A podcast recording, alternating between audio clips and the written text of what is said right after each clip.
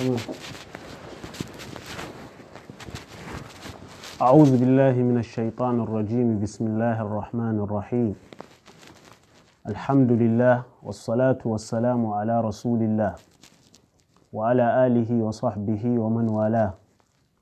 اللهم لا علم لنا إلا ما علمتنا إنك أنت العليم الحكيم. رب اشرح لي صدري ويسر لي أمري. واحلل عقدة من لساني يفقه قولي.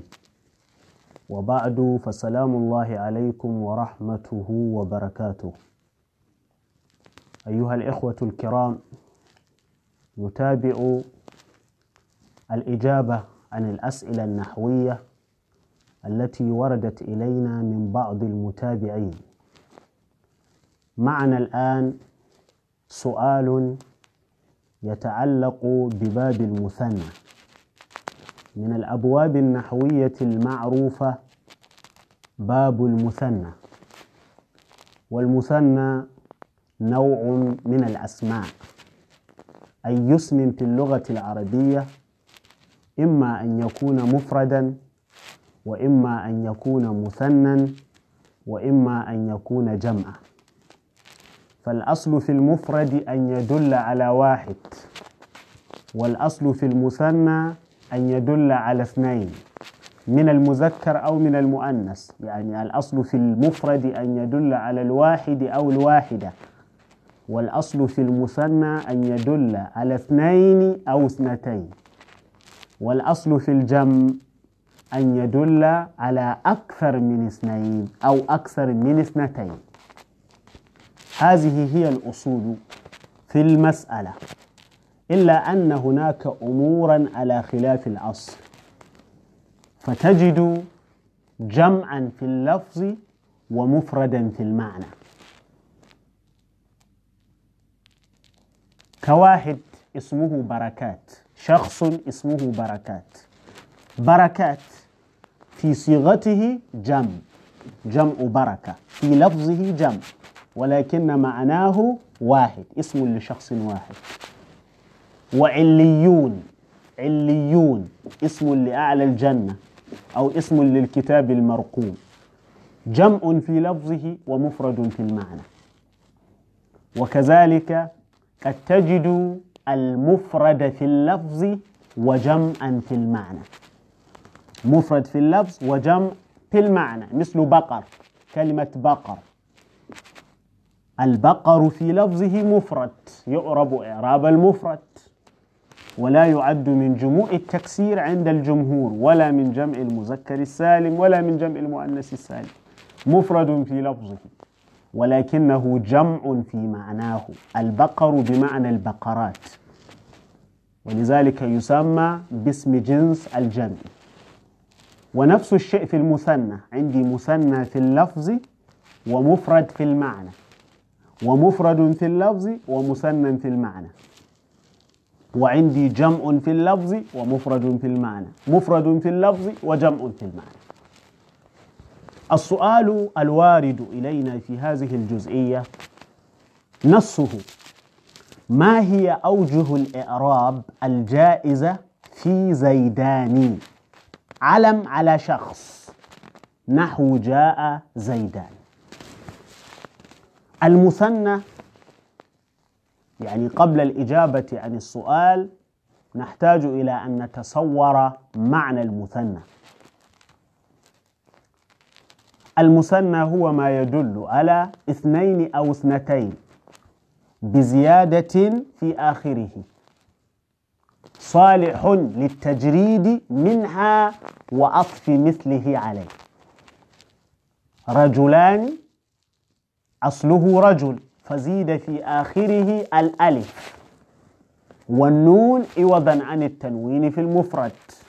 الفرق بين المفرد والجمع زيادة في الفرق بين المفرد والمثنى زيادة في آخر الكلمة. رجل رجلان أو رجلين. هند هندان أو هندين هذا المثنى الحقيقي. وضابطه صحة الحذف صحة حذف الزيادة. رجلان يمكن أن أقول رجل هندان يمكن أن أقول هند. هذا المثنى الحقيقي. ولكن في الباب ما يطلق عليه الملحق بالمثنى. بمعنى ما لا يصدق عليه تعريف المثنى إلا أنه يعامل مؤاملة المثنى. وهذا الملحق بالمثنى على نوعين. النوع الأول ما هو مثنى في اللفظ دون المعنى. ما هو مثنى في اللفظ دون المعنى. مثل رجل اسمه زيدان. رجل اسمه حسنان أو حسنين. رجل اسمه قمران. هذا مثنى في لفظه ومفرد في معناه. هذا ملحق بالمثنى الثاني ما هو مثنى في المعنى دون اللفظ؟ مثنى في المعنى دون اللفظ. مثل اثنان واثنتان. اثنان معناه معنى المثنى ولكنه مفرد في لفظه. لعدم صحة حذف الزيادة من آخره. لا يمكن أن أقول اثن اثنتان مثنى في المعنى ومفرد في اللفظ لامتناء حذف الزيادة في آخره. وكذلك كلا وكلتا عند الكثير من النحويين. كل منهما يعد مثنى في المعنى دون اللفظ. فالسؤال مرتبط بالنوع الأول وهو المثنى في اللفظ دون المعنى. رجل سمي باسم على صيغة المثنى. مثل بحرين بلد معروف دولة معروفة مشهورة من البلاد أو من الدول العربية بحرين. بحرين اسم لبلد معين إذا هو مفرد في معناه. وفي لفظه مثنى لأن يعني لإمكان حذف الياء والنون من آخره فأقول بحر فقط.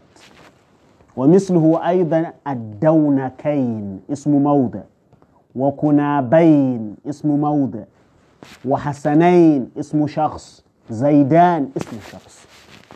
طيب إذا وجدنا اسما يعني إذا وجدنا علما من هذا القبيل من هذا النوع كيف يعرب؟ هل يراءى لفظه؟ فيعرب بإعراب الأصل فيرفع وعلامة الرفع الألف وينصب ويجر وعلامة النصب والجر الياء. هذا على مراءاة اللفظ. أو يراءى فيه المعنى فيعرب إعراب المفرد هو مثنى في اللفظ. فإذا رؤي اللفظ أعرب إعراب المثنى. فأقول هذا أو هذه بحراني. إشارة إلى دولة. أو أعجبتني أو أعجبني بحراني. وزرت بحرين وأقمت ببحرين. مرفوع وعلامة الرفع الألف ومنصوب وعلامة النصب الياء ومجرور وعلامة الجر الياء. جاء زيدان ورأيت زيدين وسلمت على زيدين.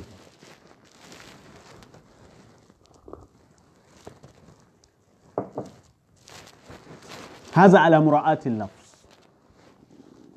وأما على مراعاة المعنى فيعرب.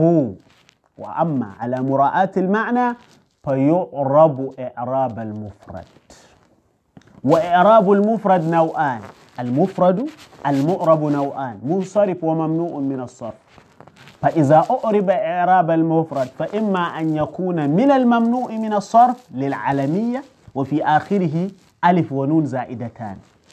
وإما أن يعرب إعراب الاسم المنصرف على أن الألف والنون من أصل البنية. ليست يعني ليستا من الزيادة في شيء. والخلاصة الإجابة عن هذا السؤال أن ما سمي به من المثنى أي ما كان علما العلم الذي على صورة المثنى يجوز فيه أربعة أوجه من الإعراب. يجوز فيه أربعة أوجه من الإعراب. الوجهان بناء على مراءاة اللفظ. يعني الوجهان من الأربعة يرجعان إلى إعراب المثنى والآخران يرجعان إلى إعراب الاسم المفرد. نبدأ بما يتعلق بالمثنى. الوجه الأول مما يتعلق بالمثنى أن يبقى على ما كان عليه قبل العالمية. فيؤرب بالألف رفعا وبالياء نصبا وجرا وتحذف نونه عند الإضافة. جاء الزي جاء زيدان رأيت زيدين سلمت على زيدين والمراد شخص واحد اسمه زيدان. وهذا هو الوجه المشهور الوجه الأفصح في باب المثنى. والوجه الثاني يرجع إلى إعراب المثنى أيضا وهو أن يحمل على المثنى في لغة من يلزمه الألف في جميع أحواله.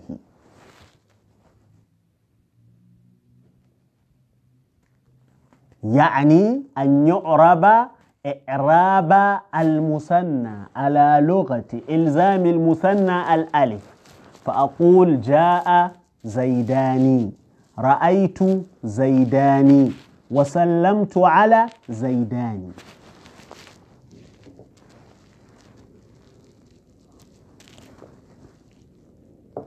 جاء زيدان زيدان فاعل مرفوع.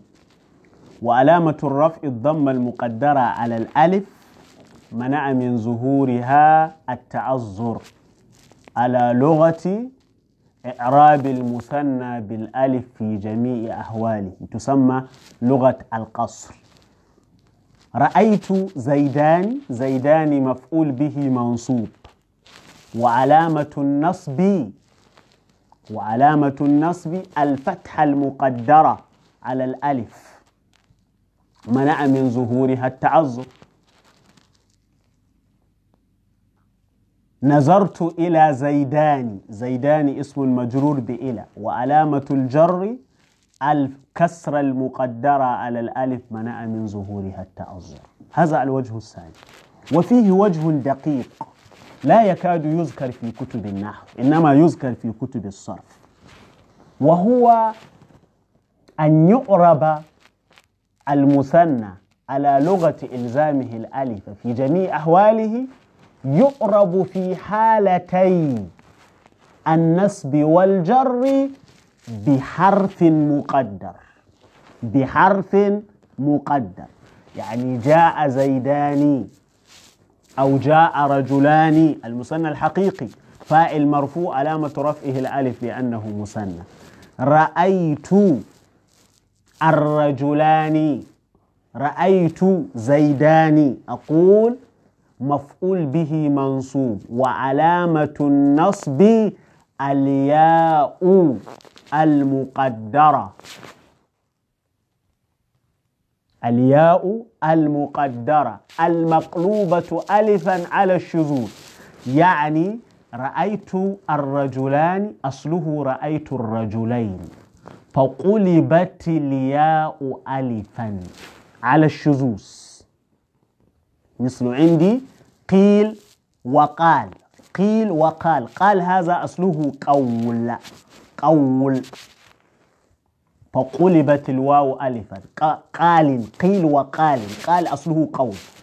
وقلب الواو والياء ألفا مشروط بأن يتحرك مع انفتاح ما قبلهما هذا على القياس ولكن هناك شذوذات في الباب.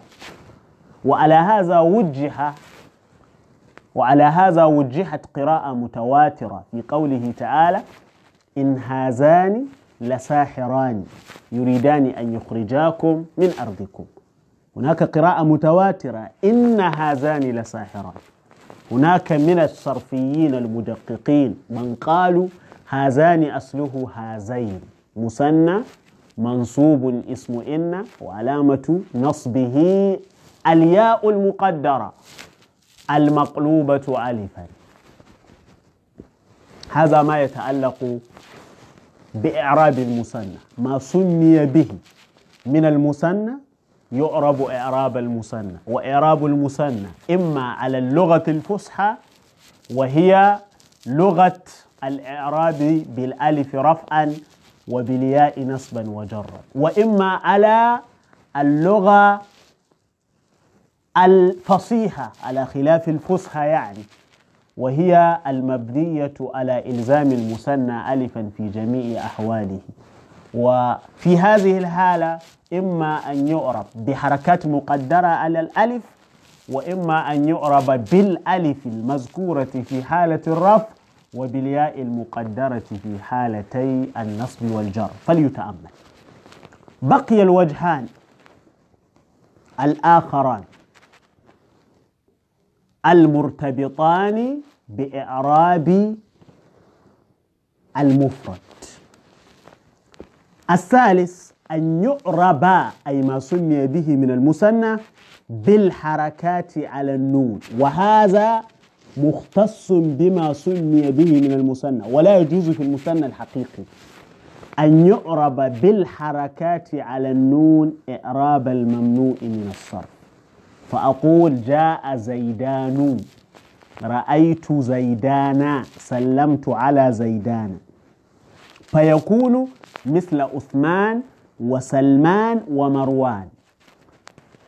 يرفع وعلامة الرفع الضمة وينصب وعلامة النصب الفتحة ويجر وعلامة الجر الفتحة.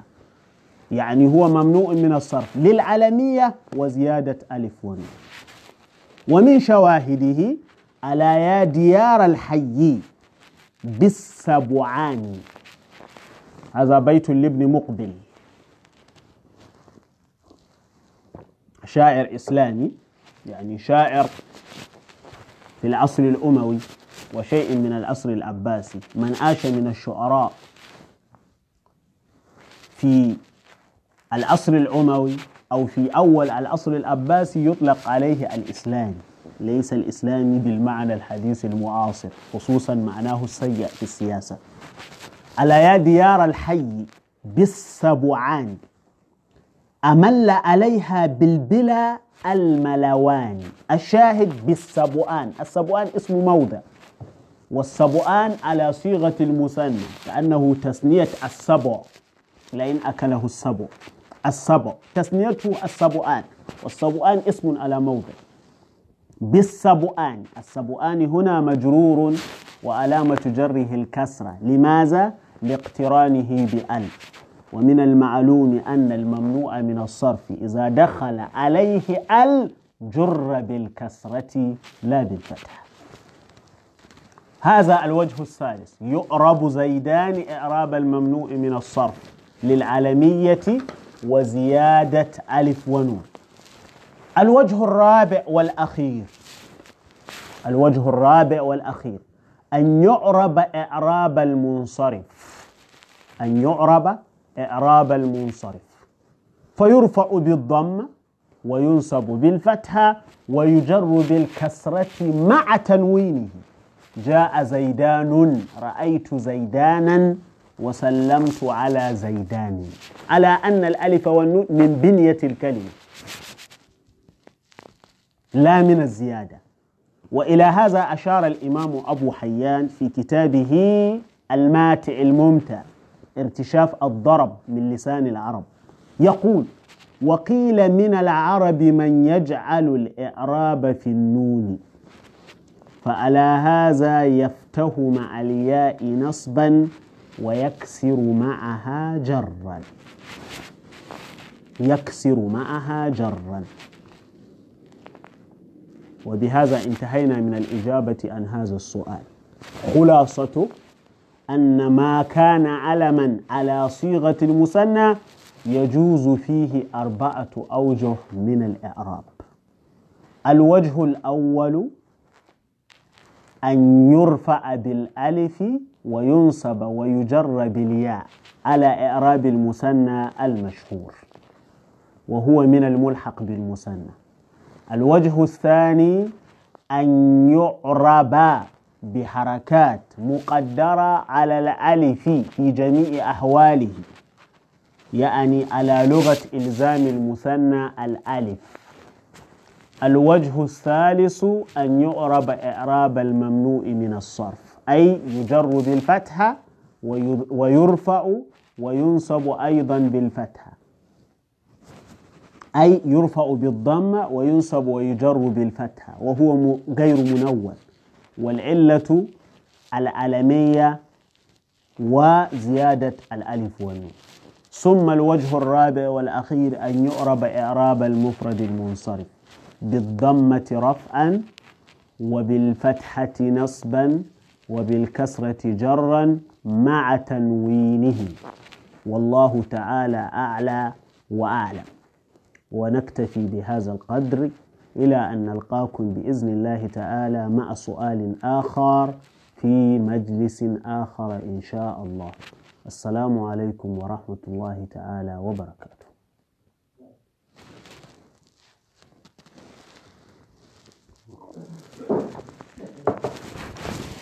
كم دقيقة يا سيدي؟ آه.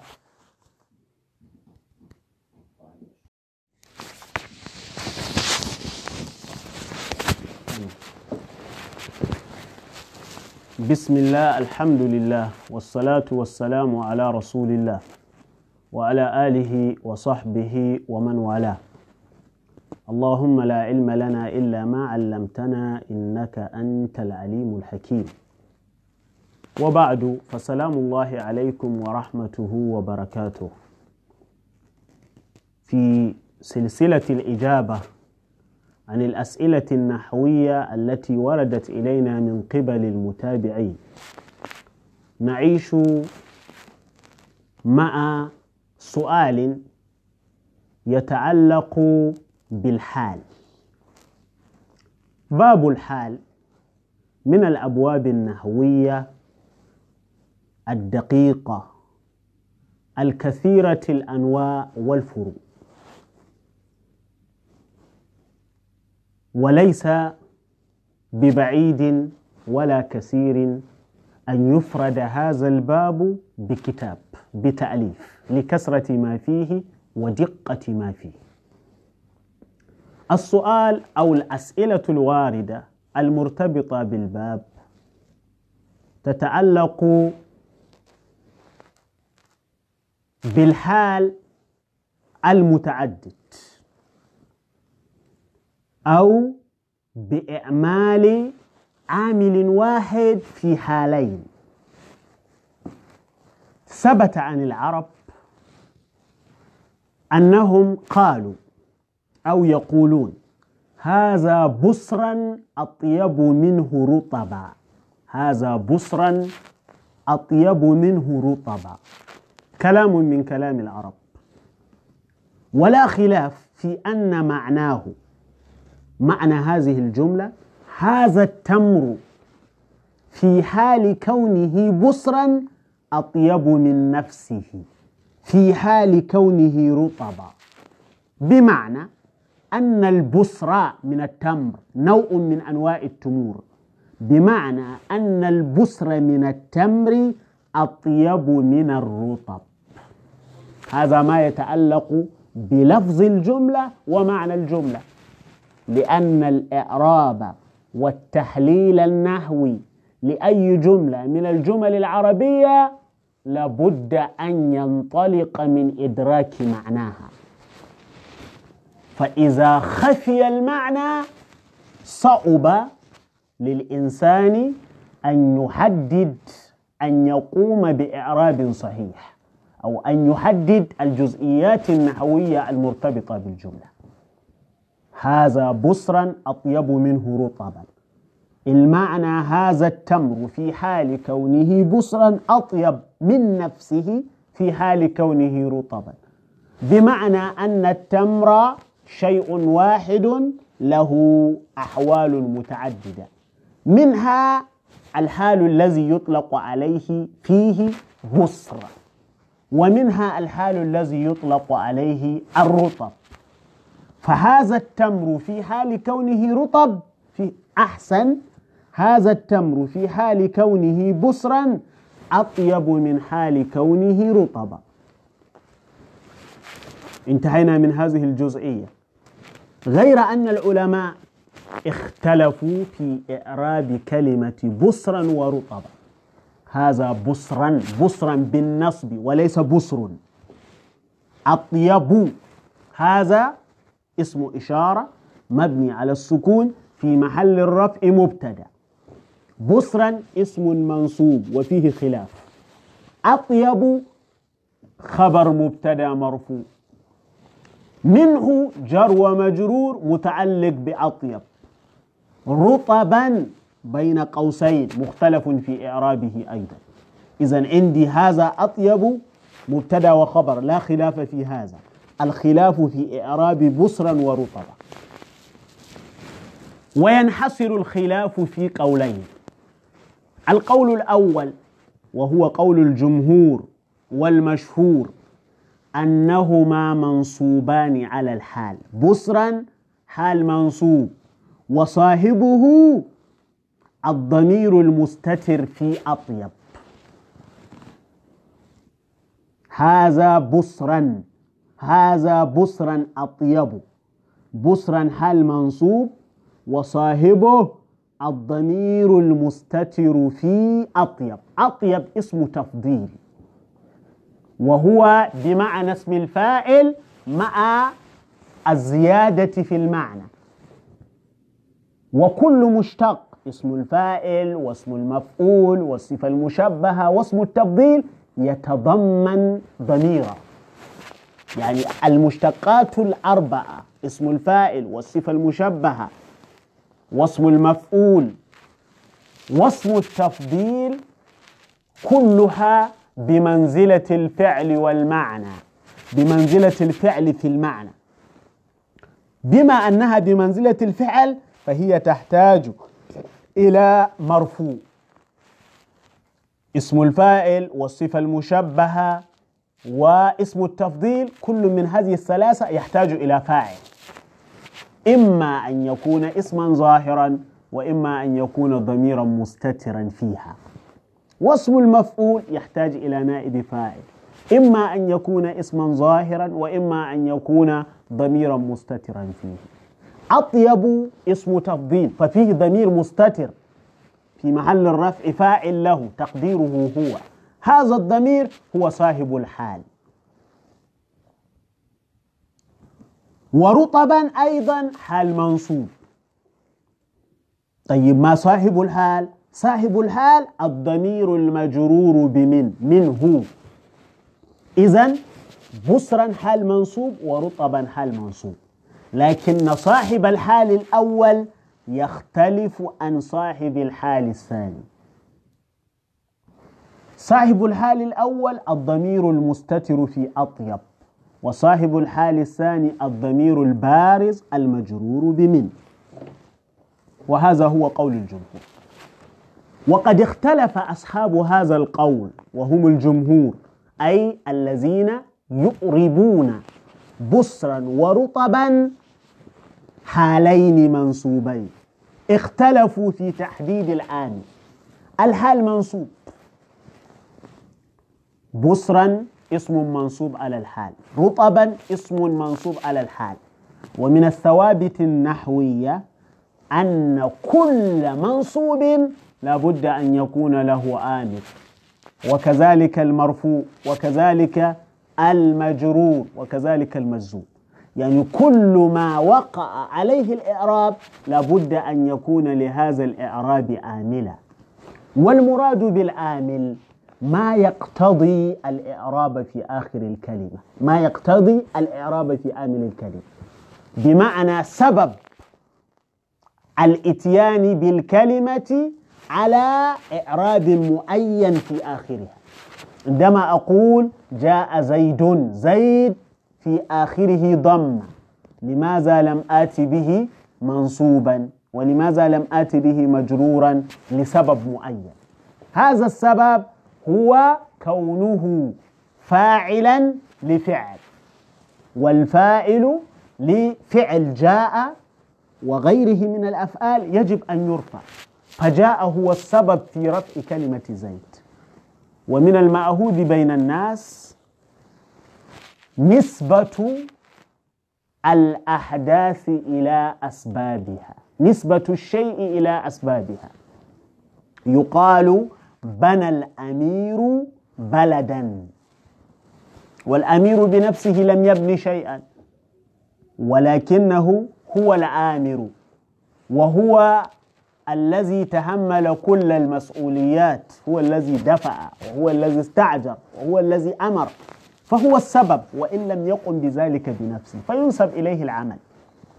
فكذلك الألفاظ والأحوال التي تقتضي الإعراب في آخر الكلمة ليست هي التي رفعت أو نصبت أو جرت أو جزمت إنما الرافع الحقيقي والناصب الحقيقي والجازم الحقيقي والخافض الحقيقي هو المتكلم.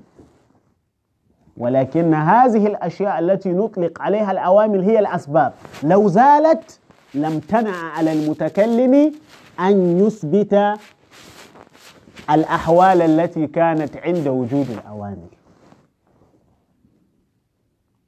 كان زيد. زيد مرفوع بسبب كان. لو هزف كان وجيء بآمل آخر وجب أن يتغير الإعراب. كان زيد إن زيدا بزيد. هذه الأسباب يطلق عليها العوامل في الاصطلاح النحوي. طيب إذا كان بصرا منصوبا على الحال ورطبا منصوبا على الحال فأين العامل؟ ما هو العامل؟ هل العامل فيهما شيء واحد؟ ولا شيء متعدد. هل هو مذكور ولا هو شيء مقدر؟ اختلف أصحاب هذا القول في تهديد العامل في الحالين بصرا ورطبا وجملة أقوالهم في ذلك ثلاثة. الأول أن العامل في الحالين أطيب يعني بصرا منصوب بأطيب ورطبا منصوب بأطيب. لماذا؟ لتضمنه معنى المفاضلة بين شيئين. لتضمنه معنى المفاضلة بين شيئين. وهو أي أطيب نائب مناب عاملين والتقدير تقدير الكلام هذا بصرا أطيب منه رطبا. تقديره هذا التمر يزيد طيبه في حال كونه بصرا على طيبه في حال كونه رطبا. هذا التمر يزيد طيبه أي تزداد حلاوته. في حال كونه بصرا على طيبه في حال كونه رطبا. وهذا قول الإمام سيبوي الذي وافقه عليه كثير ممن جاء بعده من أئمة النحو. كالإمام المازني في أحد قوليه وابن كيسان والإمام الفارسي في أحد أقواله يعني الإمام الفارسي له أقوال في المسألة والإمام المازني له قولان في المسألة. القول بهذا واحد منهما بالنسبة للمازني والقول بهذا واحد من أقواله المتعددة. وكذلك تلميذه ابن جني الإمام ابن جني أيضا على هذا القول هذا القول الأول. القول الثاني أن العامل في الحالين كان التامة المهزوفة. كان التامة. يعني عندنا في النحو باب كان وأخواتها. وهي عبارة عن أفعال تدخل على المبتدأ والخبر. فترفع المبتدأ بعد أن كان مرفوعا بالابتداء. وتنصب الخبر بعد أن كان مرفوعا بالمبتدأ. وتضيف إلى المبتدأ والخبر معنى جديدا. ومعانيها مفصلة في بابها في كتب النحو. كان التي هي أم الباب هي الأصل في الباب لها قسمان من حيث نصب الخبر أو من حيث الحاجة إلى الخبر والاكتفاء بالاسم. فإذا كانت يعني فعل كان إذا تم المعنى إذا تم المعنى بمجرد مرفوعه دون الحاجة إلى منصوبه أطلق عليها تامة. فهي حينئذ بمنزلة فعل لازم. بمنزلة فعل لازم. كقوله تعالى وإن كان ذو عسرة.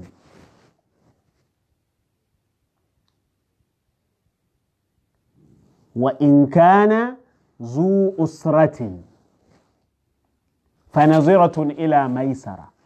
كان ذو أسرة تم المعنى. ولم يذكر اسم ولم يذكر خبر كان. لا منصوب لها لا حاجة إليه. فكان ذو أسرة بمنزلة جاء ذو أسرة أو قام ذو أسرة نام ذو أسرة فعل وفائل ولا حاجة إلى غير ذلك. فكما أن الفعل اللازم لا يحتاج إلى المفعول به فكان التامة لا تحتاج إلى الخبر. وعلى هذا قول الشاعر من الأبيات الطريفة المشهورة من الغزل وعينان أي ولها يتكلم عن محبوبته ولها عينان. وعينان قال الله كونا فكانتا. فأولان بالألباب ما تفعل الخبر. وعينان قال الله كونا فكانتا. فأولان بالألباب ما تفعل الخمر. قد يتوهم متوهم يعني كيف يقول هذا الشاعر فأولان مع أن قبله كان. يعني كأن القياس أن يقول فكانتا فأولين. فأولين خبر لكان. لكن شاعر يقول وعينان. أي هذه الفتاة التي أحبها لها عينان. قال الله أي قال الله للعينين كونا. فكانتا أي خلقهما الله بكلمة كن فيكون. يعني هناك تشبيه ضمني كأنه يشبه خلق عينيها بخلق سيدنا آدم بكلمة كن فيكون. إن مثل عيسى عند الله كمثل آدم خلقه من تراب ثم قال له كن فيكون. يكون فعل مضارع وفائله ضمير مستتر تقديره هو ولا حاجة إلى الخبر كان تاما. أي فوجد فصار موجودا دون خبر. وأينان قال الله كونا فكانتا فعل وفاعل. كان والتاء تاء التأنيث حركت بالفتحة لالتقاء الساكنين والألف ضمير متصل في محل الرفع فاعل أو اسم كان التامة لا حاجة إلى الخبر. إذا فأولان خبر لمبتدأ مهزوم. أي هما؟ أي الأينان فأولان بالألباب. أي بالأقول ما تفعل الخمر. أي مسكرتان. تسكران. الأقول كما تسكر الخمر الأقول. هذه كان التام. طيب القول الثاني للجمهور في تحديد العامل في هذا المثال. أن بسرا ورطبا معمولان لكان التامة المحذوفة. وتقدير الكلام هذا التمر إذا كان بسرا أطيب منه إذا كان رطبا. والإعراب هذا مبتدأ التمر بدل من المبتدأ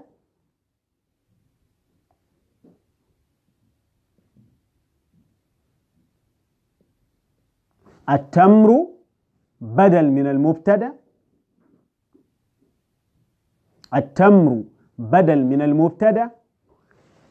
إذا ظرف ظرفية في محل النصب منصوب وكان فعل ماض مبني على الفتح وهي تامة.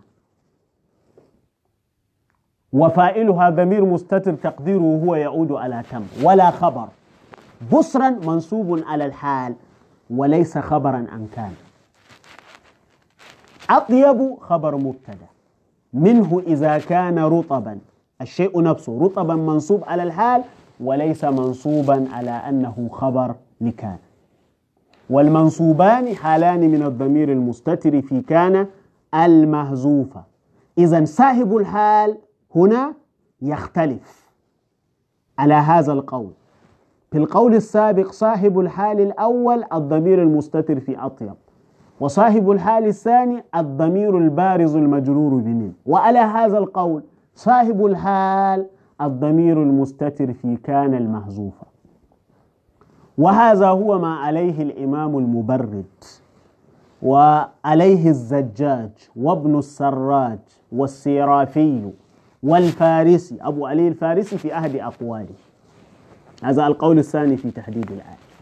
والقول الثالث في تحديد العامل في بصر في في تهديد العامل القول الثالث أن العامل في بصر اسم الإشارة لتضمنه معنى الفعل. والعامل في رطبا هو أطيب. هذا بصرا بصرا منصوب بهذا. أطيب منه رطبا رطبا منصوب بأطيب. وهو أيضا قول منصوب إلى أبي علي الفارسي. ثلاثة أقوال كلها نقلت ونسبت إلى أبي علي الفارسي. وتعدد الأقوال للإمام المجتهد معروف معهود. لا يجهله ولا يشك فيه إلا الجاهل. طيب الوجه الثاني من الإعراب. انتهينا من الإعراب الأول. بصرا ورطبا. فيهما قولان.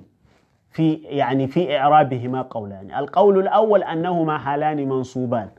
وقد تحدثنا عن صاحب الحال وعن العامل على هذا القول. القول الثاني أنهما منصوبان على أنهما خبران لكان الناقصة المحذوفة وهي التي تحتاج إلى الخبر. والتقدير تقدير الكلام. هذا التمر. إذا أو إذ كان بصرا أطيب منه. إذا أو إذ كان رطبا. يعني نقدر بإذا أو بإذ على حسب المعنى. إذا كان في المستقبل نقدر إذا وإذا كان في الماضي نقدر إذ. هذا التمر. إذا كان بصرا أطيب منه. إذا كان رطبا. هذا في المستقبل. في الماضي. هذا التمر. إذ كان بصرا أطيب منه. إذ كان رطبا. بصرا ورطبا بصرا خبر لكان ورطبا خبر لكان. وهو قول أيضا منقول عن بعض النحويين هذا كله تقديم للإجابة عن الأسئلة الواردة. لأن الدخول في الإجابة مباشرة يجعل السؤال يجعل الإجابة مقصورة على السائل. لا يستفيد غير السائل لأن الذي يطرح لأن الذي طرح هذه الأسئلة التي سنجيب عنها بالتأكيد يعرف هذه التفاصيل التي ذكرناها. ولهذا يمكن ولهذا أمكن له أن يطرح الأسئلة. فإذا أجيب مباشرة مباشرة هو المستفيد فقط لكن التقديم للأسئلة يجعل كل متابع يستفيد من المسألة. السؤال الأول الذي ورد ما العامل في الحالين؟ من هذا بصرا أطيب منه رطبا. يعني ما العامل في الحالين؟ هل هو واحد أم لا؟ هكذا قال. وفي الصياغة صياغة السؤال بعض الخطأ. الصواب هل واحد أو لا؟ العطف بعد هل بأو ولا يجوز العطف بأم. هل واحد أو لا؟ هذا بصرا أطيب منه رطبا. عجبنا عن هذا السؤال مما سبق. هناك خلاف. والعامل في الاصطلاح ما يقتضي الإعراب في آخر الكلمة كما ذكرنا وهو بمعنى الأسباب التي تدفع إلى النطق بالكلمة على إعراب معين. والعامل الحقيقي هو المتكلم والجواب أن العامل فيهما. إما أطيب فيكون العامل في الحالين شيئا واحدا. وإما كانت تامة المهزوفة فيكون العامل لكل منهما غير العامل في الآخر. وإما العامل في الأول اسم الإشارة والعامل في الثاني أطيب. فالعامل واحد العامل في الحالين واحد على قول الجمهور وهو أطيب. ومتعدد على القولين الآخرين. على القول الثاني كان التامة المحذوفة من الحال الأول ومن الحال الثاني. وعلى القول الثالث كان الناقصة المحذوفة أيضا من الحال الأول ومن الحال الثاني. السؤال الثاني متى يجوز أن يعمل عامل واحد في حالين؟ ومتى لا يجوز؟ الجواب أن العامل الواحد إذا لم يدل على المفاضلة بين حالين لشيء واحد لا يعمل في الحالين بالإجماع. وإذا دل على ذلك فإنه يجوز عند الجمهور ولا يجوز عند بعض العلماء مطلقا. الآمل يجوز أن يعمل في حالين. إذا كان الآمل يدل على المفاضلة بين الحالين المنصوبين به وهما حالان لشيء واحد. يجوز عند بعض العلماء وإذا افتقد هذا الشرط امتنع بالإجماع. السؤال الثالث في المسألة إلى أي شيء هي الإشارة في قولهم هذا بص بش بصرا هذا اسم إشارة واسم الإشارة بمنزلة الضمير لا بد له من مرجع ومفسر. وتحديده من الدقة بمكان. فالخطأ في تحديد مرجع الضمير يغير المعنى تماما يفسد المعنى. وكذلك الخطأ في تهديد المشار إليه يغير المعنى تماما. وقد ذكرنا فيما سبق الإجابة عن هذا السؤال. والمشار إليه محذوف. هذا بصرا إشارة إلى محذوف دل عليه ما ذكر من حاليه وهو التمر والتقدير هذا التمر بصرا أطيب منه رطبا. ثم السؤال الأخير في المسألة في الباب. لما أول في إعرابهما على الحال؟ لماذا أعرب, أعرب الاسمان المنصوبان على الحال؟ واختاره سيبوي ولماذا لا يصح إضمار كان؟ فيكون التقدير هذا إذا كان بصرا أطيب منه إذا كان رطبا والجواب أن إعراب بصرا ورطبا حالين منصوبين بأطيب هو الراجح هو الراجح لماذا؟ لماذا هو الراجح؟ ولماذا اختاره سيبويه والجمهور؟ لسلامته من كثرة التقدير ومن المرجحات النحوية قلة العمل.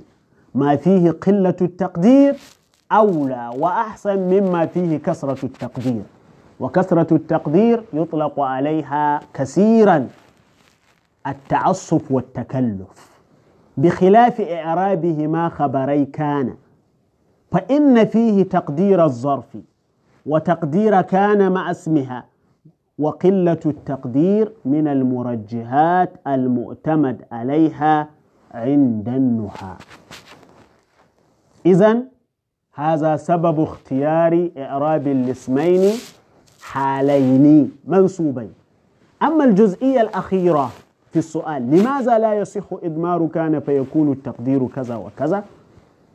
فهو نفس أول السؤال يعني كأن آخر السؤال يوضح أول السؤال. و يعني جعلوا بصرا ورطبا. خبرين لكان الناقصة المعزوفة ليس خطأ وليس باطلا لكنه على خلاف الأقوى على خلاف الأصح. وقد ذكرنا أن بعض العلماء على القول به وهو مرجوع لأنه يؤدي إلى كثرة التقدير. وما فيه كثرة التقدير مرغوب عنه إذا أمكن غيره. وبهذا انتهينا من المسألة. والله تعالى أعلى وأعلم. والسلام عليكم ورحمة الله تعالى وبركاته. ها؟ أنا ما فهمت الإشارة الأولى.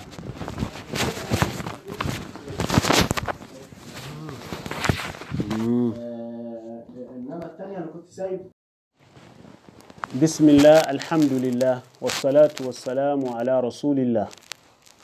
وعلى آله وصحبه ومن والاه. اللهم لا علم لنا إلا ما علمتنا إنك أنت العليم الحكيم. وبعد فسلام الله عليكم ورحمته وبركاته.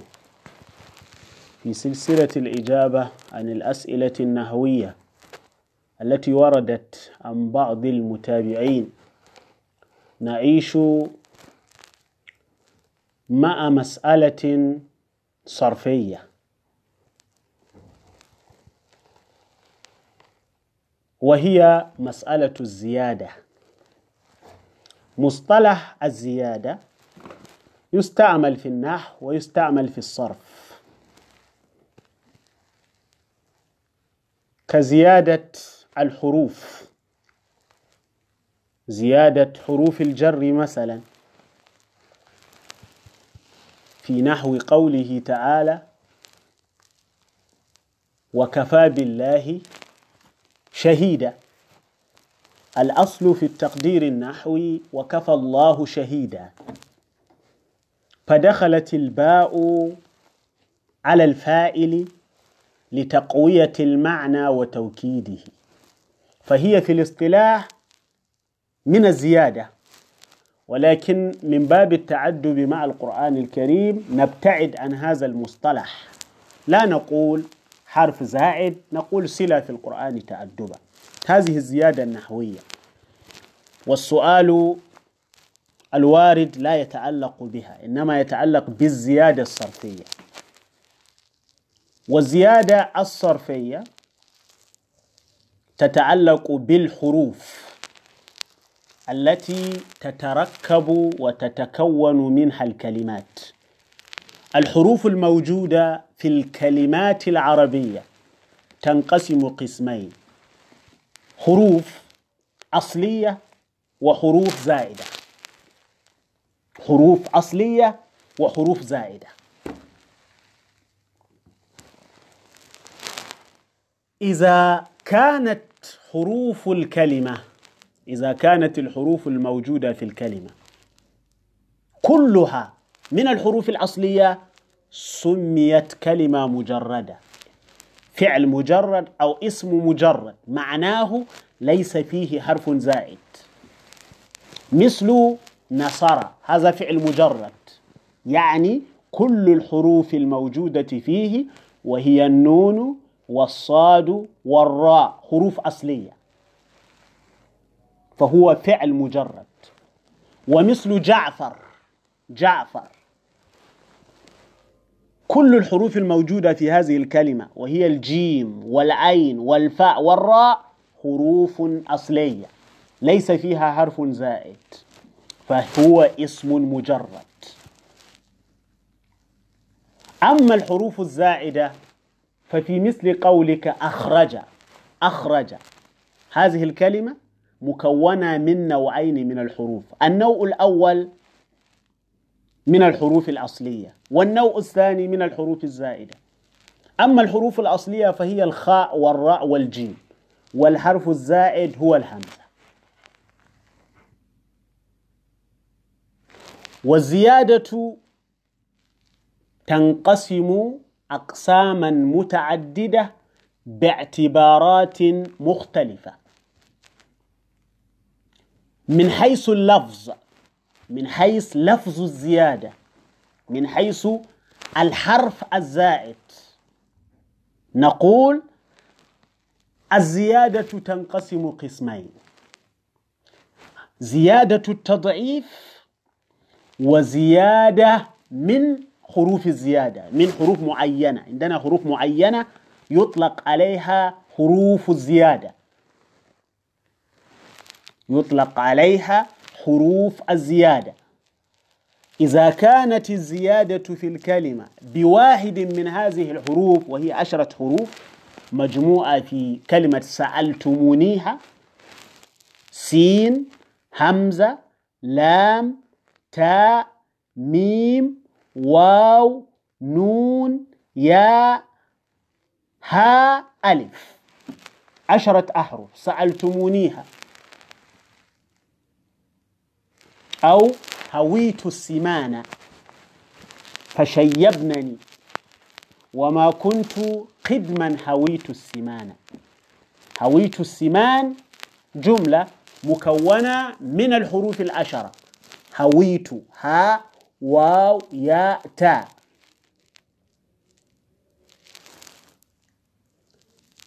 هويت السمان اللام لام التعريف التي قلبت سينا. ثم السين ثم الميم ثم الألف ثم النون. هذه الحروف العشرة.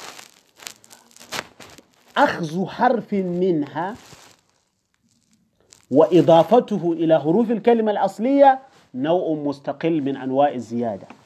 والنوع الثاني التضعيف يعني تكرار حرف من أصول الكلمة. مثلا عندي كرم فأقول كرم فيه زيادة. الراء في الأصل واحدة ولكني ضعفتها كررتها.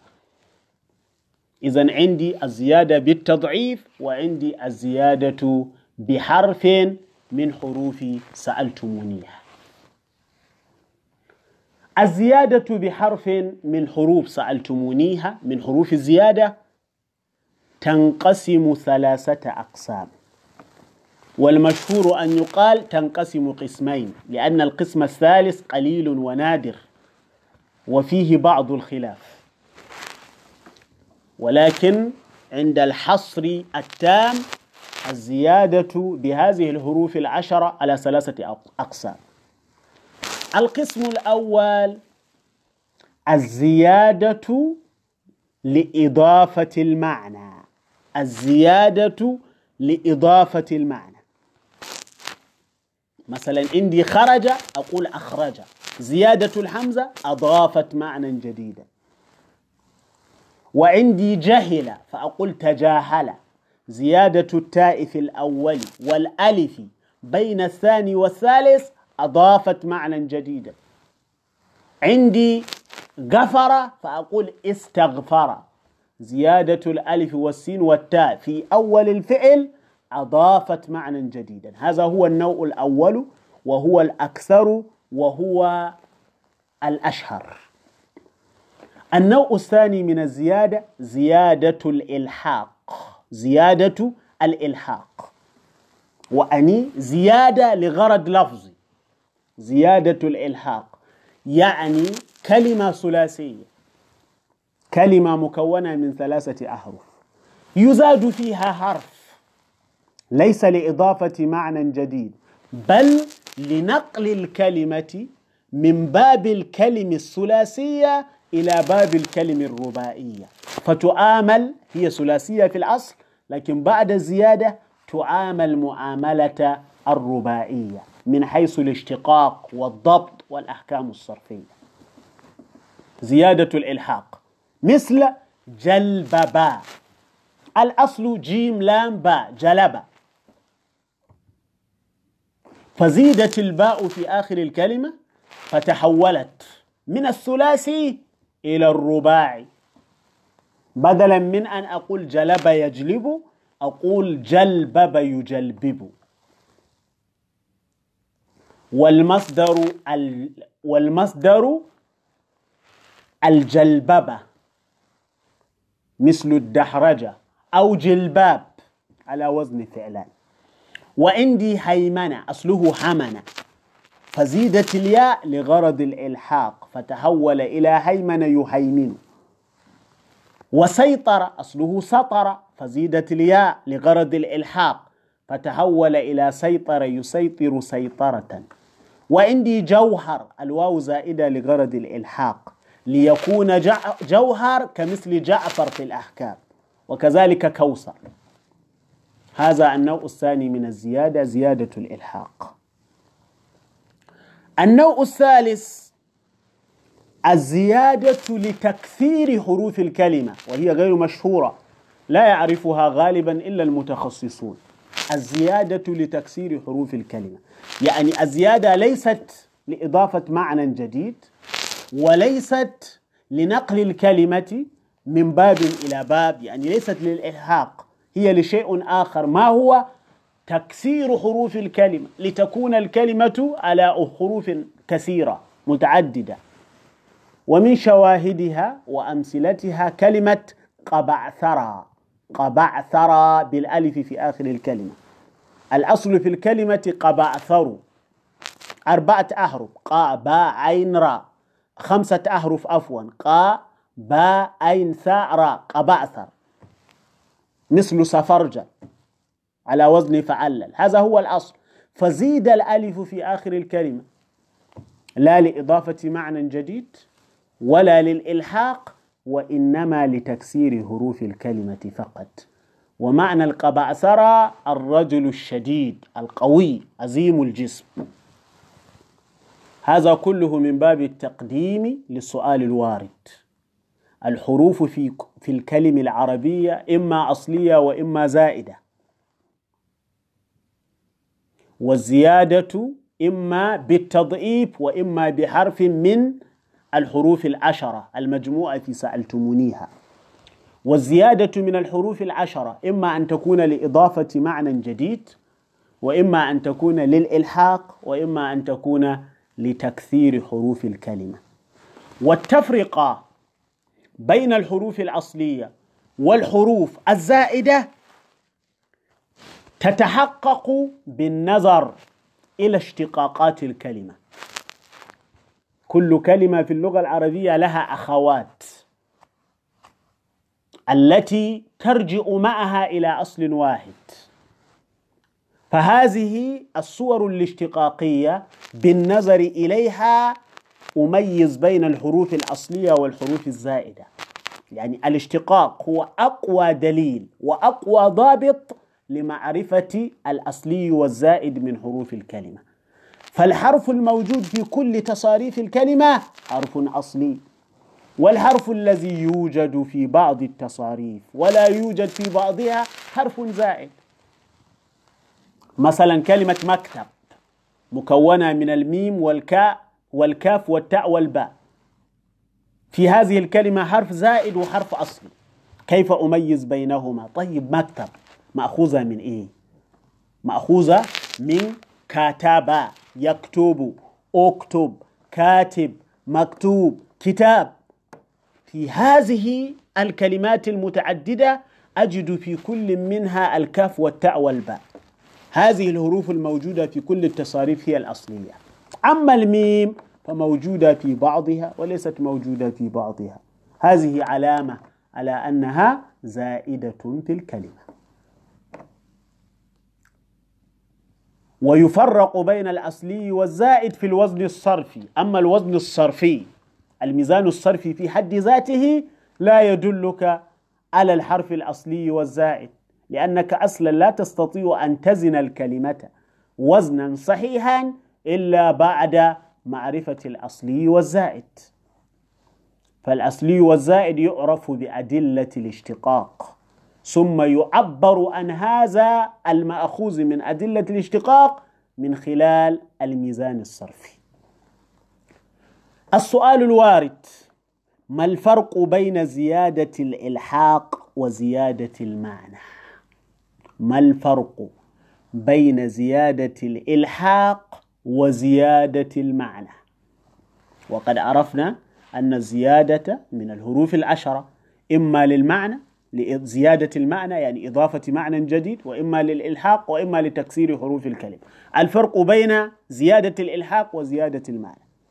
الجواب من السؤال يتمثل في ما يأتي. الأول الفرق الأول أن الغاية يعني أن الغرض من زيادة الإلحاق لفظية فقط. غرض لفظي. ليس معنوي لا يترتب على الإلحاق شيء معنوي والغاية من زيادة المعنى معنوية. فزيادة الإلحاق لا تفيد معنى جديدا في الغالب. في حين أن زيادة المعنى تفيد معنى جديدا. هذا هو الفرق الأول. الفرق الثاني أن زيادة الإلحاق لا تنقاس مطلقا. يعني هي موقوفة على السماع لا يزيد لك بحال من الأحوال. أن تقيس على كلمة سيطر مثلا فتقول نيصر يعني سطر زيدت الياء فصار سيطر. يسيطر للإلحاق لا يزيد أن تأتي إلى فعل نصر فتقول نيصر مثلا. لا يجوز. موقوف على السماء.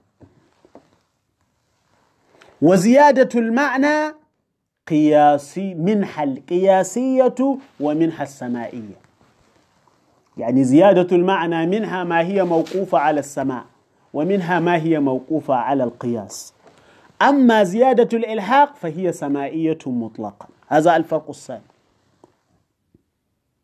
الفرق الثالث أن الغالب في زيادة الإلحاق أن يكون المجرد مهملا. أن يكون المجرد مهملا. لا معنى له. والغالب في زيادة المعنى أن يكون المجرد مستعملا. هذه الفروق الثلاثة. بين زيادة الإلحاق وزيادة المعنى. والسؤال الثاني المرتبط بالمسألة.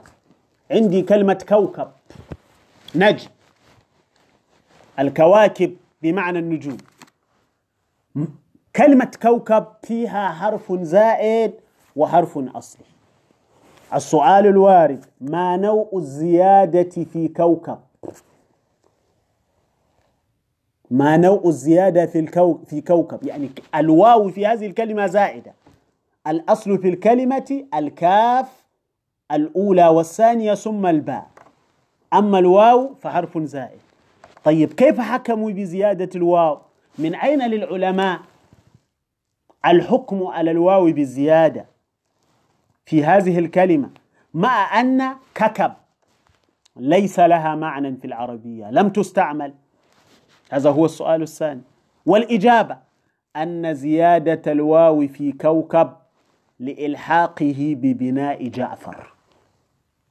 فيكون أي كوكب على فوأل كما أن جعفر كذلك في الصورة اللفظية.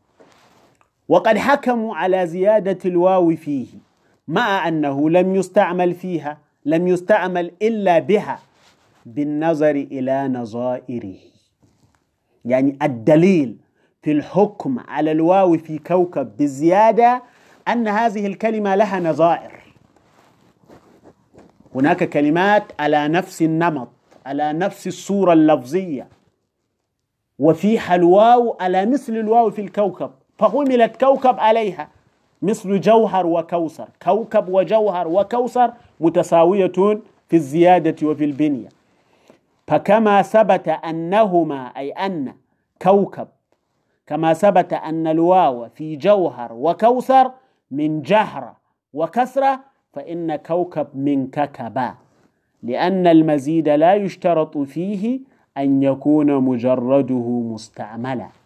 الكلمة المزيدة قد يكون مجر المجرد منها موجودا مستعملا في العربية وقد يكون مستع...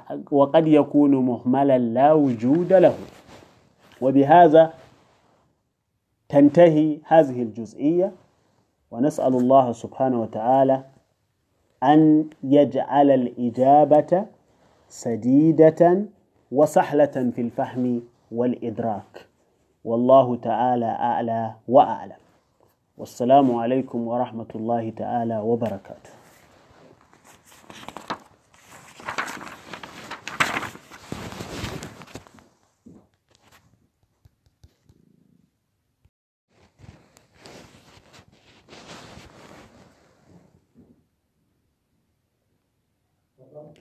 بسم الله الحمد لله والصلاة والسلام على رسول الله وعلى آله وصحبه ومن والاه اللهم لا علم لنا إلا ما علمتنا إنك أنت العليم الحكيم رب اشرح لي صدري ويسر لي أمري واحلل عقدة من لساني يفقه قولي وبعد فسلام الله عليكم ورحمته وبركاته في سلسلة الإجابة عن الأسئلة النحوية التي وردت إلينا من بعض المتابعين.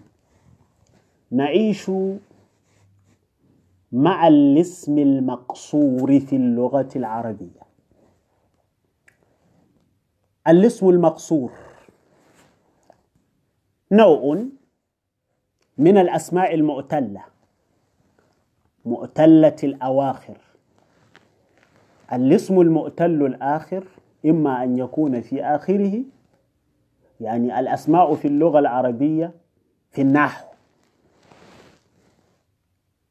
تنقسم ثلاثة أقسام الأسماء المعربة في النحو تنقسم ثلاثة أقسام. القسم الأول الصحيح الآخر مثل زيد وهند وبكر وعمر هذه أسماء صحيحة الأواخر أي ليس في آخرها ألف ولا واو ولا ياء. هذا القسم الأول. القسم الثاني مؤتل الآخر مؤتل الآخر. والمؤتل الآخر من الأسماء إما أن يكون في آخره ألف وإما أن يكون في آخره ياء. فالذي في آخره ألف هو المقصور. مع مراعاة تعريفه الذي سيأتي. والذي في آخره الياء هو المنقوص مع مراعاة تعريفه المذكور في كتب النحو. هذا القسم الثاني. القسم الثالث منزلة بين منزلتين على أصل الاعتزال يعني. منزلة بين منزلتين يعني لا هو صحيح الآخر ولا هو مؤتل الآخر. ليس صحيح الآخر لأن في آخره واو أو ياء.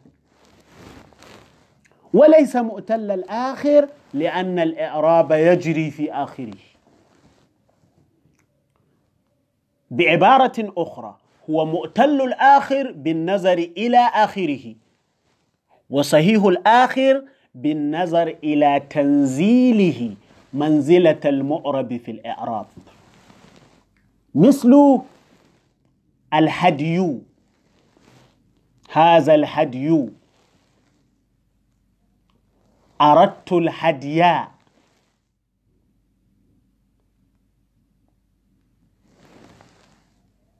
نظرت أو اشتقت إلى الهدي. الهدي آخره ياء ولكنه يرفع وعلامة الرفع الضمة الظاهرة وينصب وعلامة النصب الفتحة الظاهرة. ويجر وعلامة الجر الكسرة الظاهرة ومثله الدلو أيضا. الدلو والدلو والدلو. مؤتل منزل منزلة الصحيح. هذه الأقسام الثلاثة. فالسؤال هنا مرتبط بالاسم المقصور بالذات. أولا نريد أن نتصور مفهوم المقصور. ما هو الاسم المقصور في اللغة العربية؟ الاسم المقصور هو الاسم المعرب الذي آخره ألف لازمة. الاسم يعني الفعل لا يكون مقصورا والحرف لا يكون مقصورا. يخشى ويسعى ويرضى. هذه الكلمات ليست من الأسماء المقصور ليست من المقصورة. لا يطلق عليها المقصور لأنها أفعال. إلى وعلى لا يطلق عليهما مقصور لأنهما من الحروف. لا يكون المقصور إلا اسما. المعرب يعني لا يكون المقصور إلا معربا المبني. وإن كان في آخره الألف لا يطلق عليه المقصور الاسم المبني. وإن كان في آخره الألف لا يطلق عليه المقصور. مثل هذا هذا آخره ألف لا يطلق عليه المقصور. متى آخره الألف؟ لا يطلق عليه المقصور. مع أنهما من الأسماء؟ لأنهما مبنيان. الاسم المعرب الذي آخره ألف. لازمة. فالاسم حتى الاسم المعرب حتى وإن كان في آخره ألف يشترط أن تكون لازمة. فإن كانت غير لازمة لا تعد من المقصور على الإطلاق. كالأسماء الستة. التي ترفع بالواو وتنصب بالألف وتجر بالياء. فإنها منتهية بالألف في حالة النصب. إن أبانا لفي ضلال مبين. ولكن هذه الألف غير لازمة. سرعان ما تنقلب واوا في حالة الرف وياء في حالة الجر. هذا تعريف المقصور إذا المقصور الاسم المؤرب الذي آخره ألف لازمة. والألف اللازمة في آخر المقصور الألف اللازمة في آخر المقصور أنواع متعددة. وعدم معرفة هذه الأنواع والقدرة على التفرقة بينها يجعل الإنسان في حيص بيص. يجعله يتخبط. فيخطئ خصوصا في باب الممنوع من الصرف. فيتوهم غير فيتوهم المنصرف ممنوعا من الصرف. ويتوهم الممنوع من الصرف منصرفا. الألف في آخر الاسم المقصور يتنوع إلى أربعة. الألف في آخر المقصور له أربعة أنواع. النوع الأول الألف المنقلبة من اللام. يعني الألف في آخر المقصور لام الكلمة. أصلها واو أو أصلها ياء. مثل فتى. فتى آخره ألف. هذه الألف هي لام الكلمة. أصله فتي لأنهم قالوا في المثنى فتيان. وقالوا في الجمع فتيات وقالوا في التكسير فتيا وفتيان. إذا أصل فتى فتي فقلبت الياء ألفا لتحركها وانفتاح ما قبلها. هذا اسم منصرف يرفع وعلامة الرفع الضمة المقدرة وينصب وعلامة النصب الفتح المقدر ويجر وعلامة الجر الكسر المقدرة وهو منون. التنوين على ما قبل الألف في القرآن الكريم قالوا سمعنا فتى يذكرهم يقال له إبراهيم فتى بالتنوين. أولئك على هدى من ربهم. هدى أصله هدي. لأنه لأنه يعني في فعله هدى يهدي هداية المهتدي أصله هدي. فقلبت الياء ألفا. فصار هدى. فهو اسم منصرف منون والتنوين قبل الألف. وكذلك عصى. عصى أصله عصوا فقلبت الواو ألفا. لتحركها وانفتاح ما قبلها. بدليل أن العرب يقولون عصوته عصوته بالواو بمعنى ضربته بالعصا. يعني عندك عصيته بمعنى خالفته وعندي عصوته بمعنى ضربته بالعصا.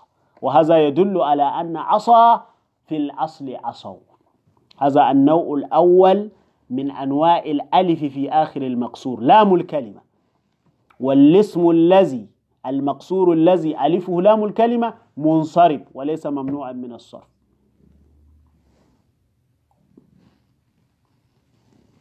النوع الثاني في آخر المقصور ألف التعنيس. بمعنى ألف زائدة ليست من أصل الكلمة. جيء بها لسبب لغرض. ما هو هذا الغرض؟ الدلالة على أن المسمى مؤنث لا مذكر. ألف التعنيس المقصورة. ألف التعنيس المقصورة. ومنها ليلى ليلى ليلى مأخوذ من الليل. إذا الألف في الآخر زائد ليست من أصل الكلمة لثبوت ليل.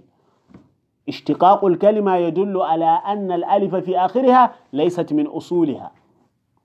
ليلى. الألف زائد. طيب زائد لماذا؟ زائد للتعنيس. لأنه لا يطلق على المذكر. وكذلك سلمى سلمى سلمى سلمى مأخوذ من السلم السلامة سلم يسلم. فاشتقاق الكلمة يدل على أن الألف ليست من الحروف الأصلية. فإذا الألف زائدة. زائدة لماذا؟ زائدة للتأنيس لأنها لا تطلق على المذكر. ومثل ذلك فضلا فضلا. لأنها من الفضل ولأنها صفة لا تطلق على المذكر. فكل فكل مقصور كل اسم مقصور. آخره ألف التأنيث فهو ممنوع من الصرف. ممنوع من الصرف. يعني يرفع وعلامة الرفع الضمة بلا تنوين. وينصب وعلامة النصب يعني يرفع وعلامة الرفع الضمة المقدرة بلا تنوين وينصب وعلامة النصب الفتحة المقدرة بلا تنوين ويجر وعلامة الجر الفتحة المقدرة بلا تنوين. فأقول جاءت ليلى رأيت ليلى نظرت إلى ليلى بلا تنوين. هذا النوع الثاني. النوع الثالث من الألف الموجود في آخر المقصور ألف الإلحاق. ألف الإلحاق. يعني ألف تزاد في آخر الاسم. يعني ليست أصلية. ومعناها نقل الكلمة من باب إلى باب آخر في الأحكام الصرفية. لا تضيف معنى جديدا. ألف الإلحاق. مثل ألقى ألقى الكلمة من عين لام قاف علق. فالألف في آخرها زائدة. المشتقات من الكلمة تثبت ذلك. طيب هذه الألف الزائدة تفيد إيه؟ ما معناها؟ لا تفيد معنى جديدا. إذا هي زائدة للغرض اللفظي. ألف الإلحاق. والاسم المختوم بألف الإلحاق منصرف ليس ممنوعا من الصرف. وألف الإلحاق تجتمع مع تاء التأنيث كما أن لام الكلمة الألف التي هي لام الكلمة تجتمع مع تاء التأنيث. أقول للرجل فتى وأقول للمرأة فتاة الألف لام الكلمة وبعدها تاء التأنيث. وكذلك ألقى. ألقى للمذكر اسم لنبت نبات نوع من النبات. والمؤنث يقال ألقات بالتاء. والاسم منصرف وليس ممنوعا من الصرف. هذا الثالث. الرابع. الألف الزائد لتكثير حروف الكلمة. ألف المقصور زائد يعني ليس من الأصول والغرض من زيادته لفظي يعني تكسير حروف الكلمة وليس للإلحاق فقط زيادة العدد زيادة لفظية. ومن أمثلة ذلك حبارا حبارا اسم لطائر حبارا وقبعثرة للعظيم الشديد. هذا النوع الرابع.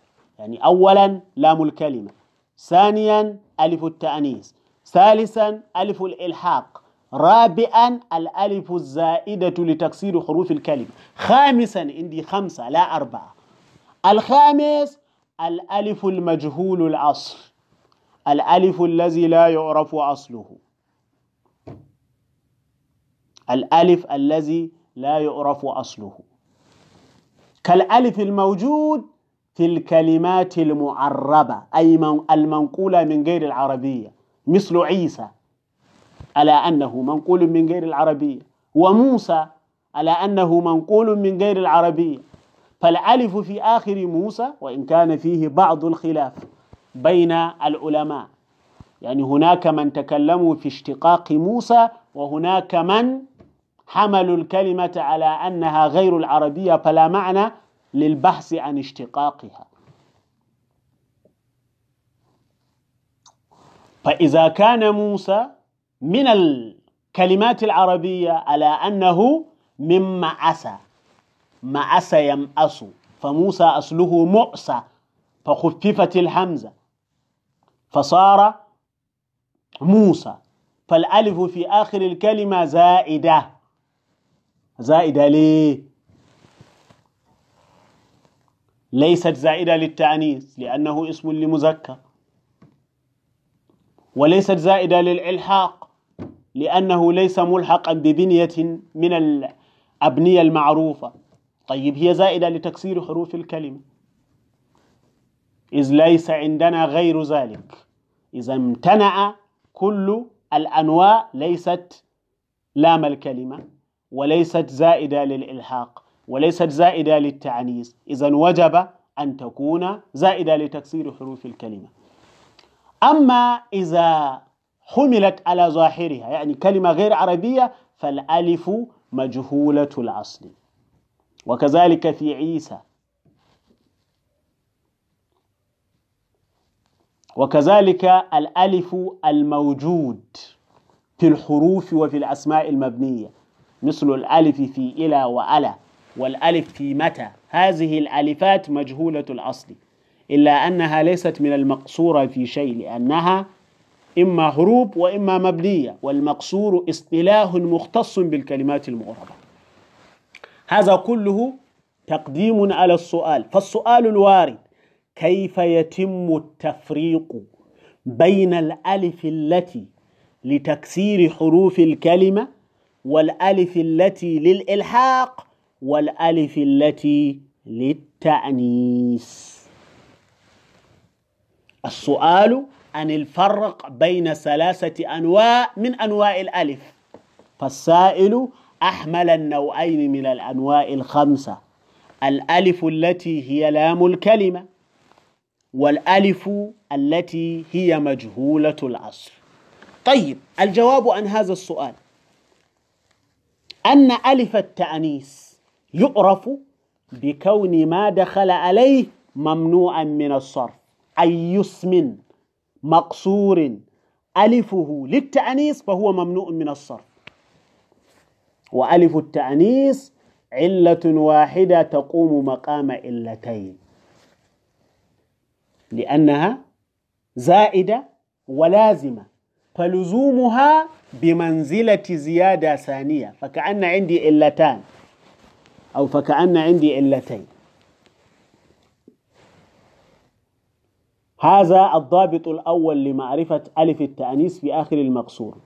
المختوم بألف التأنيث ممنوع من الصرف. وبأنه هذا الضابط الثاني لا يصح إطلاقه على المذكر. الاسم المكتوم بألف التأنيث لا يطلق على المذكر كليلى وسلمى وحبلى. وأن ما دخل عليه ألف الإلحاق منصرف يعني منون ويجر بكسرة مقدرة على الألف ويطلق على المذكر ويدخل عليه تاء التأنيث فيقال للمذكر ألقى وللمؤنث ألقات.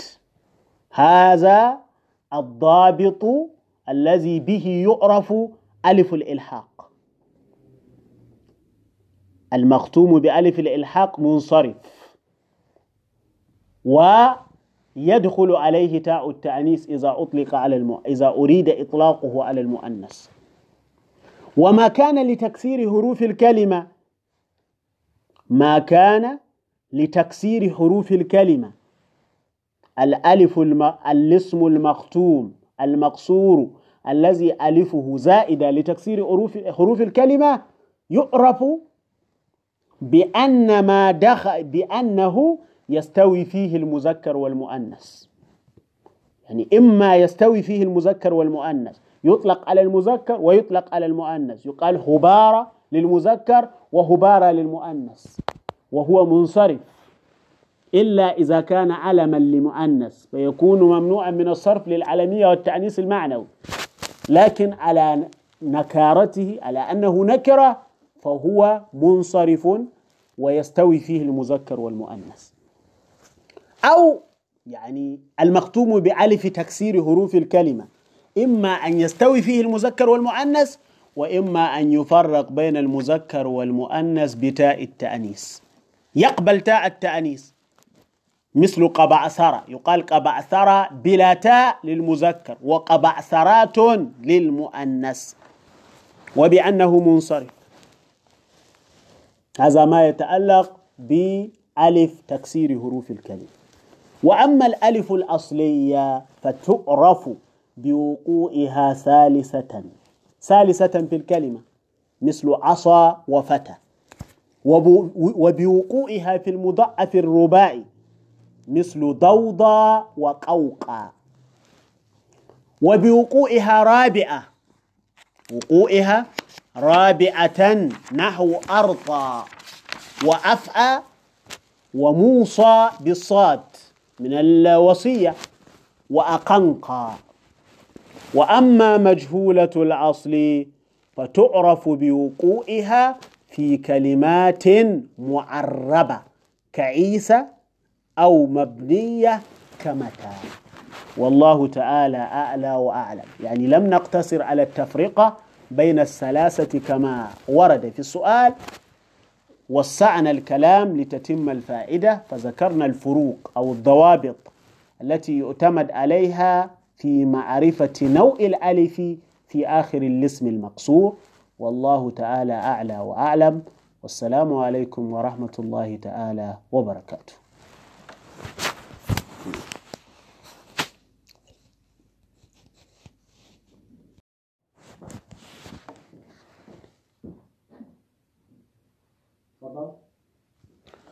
بسم الله الحمد لله والصلاة والسلام على رسول الله وعلى آله وصحبه ومن والاه. اللهم لا علم لنا إلا ما علمتنا إنك أنت العليم الحكيم. وبعد فسلام الله عليكم ورحمته وبركاته. في سلسلة الإجابة عن الأسئلة النحوية التي وردت إلينا من بعض المتابعين. نعيش مع مسألة صرفية مع المشتقين من أنواع المشتقات الصرفية وهما اسم الفاعل والصفة المشبهة. اسم الفاعل والصفة المشبهة. والتقارض والتناوب بينهما. عندي اسم الفاعل وعندي الصفة المشبهة. كل له بابه وقوائده. وقد يقع بينهما التقارض. والتقارض مأخوذ من القرض وهو الدين التداين. يعني يستدين هذا من هذا في وقت الحاجة ويستدين ذاك من هذا في وقت آخر. هذا باب كبير من الأبواب اللغوية. اهتم به العلماء وتكلموا عن أصوله. وقواعده وصوره. وخصوصا الإمام السيوطي في كتابه الأشباه والنظائر في علم النحو. السؤال الوارد إلينا نصه لماذا قالوا أي لماذا قال العلماء طاهر صفة مشبهة؟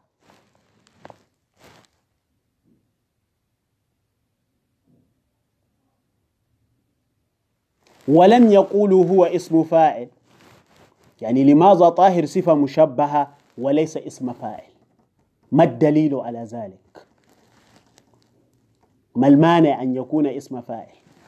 قبل الإجابة عن السؤال لابد أن نتصور معنى اسم الفاعل ونتصور معنى الصفة المشبهة.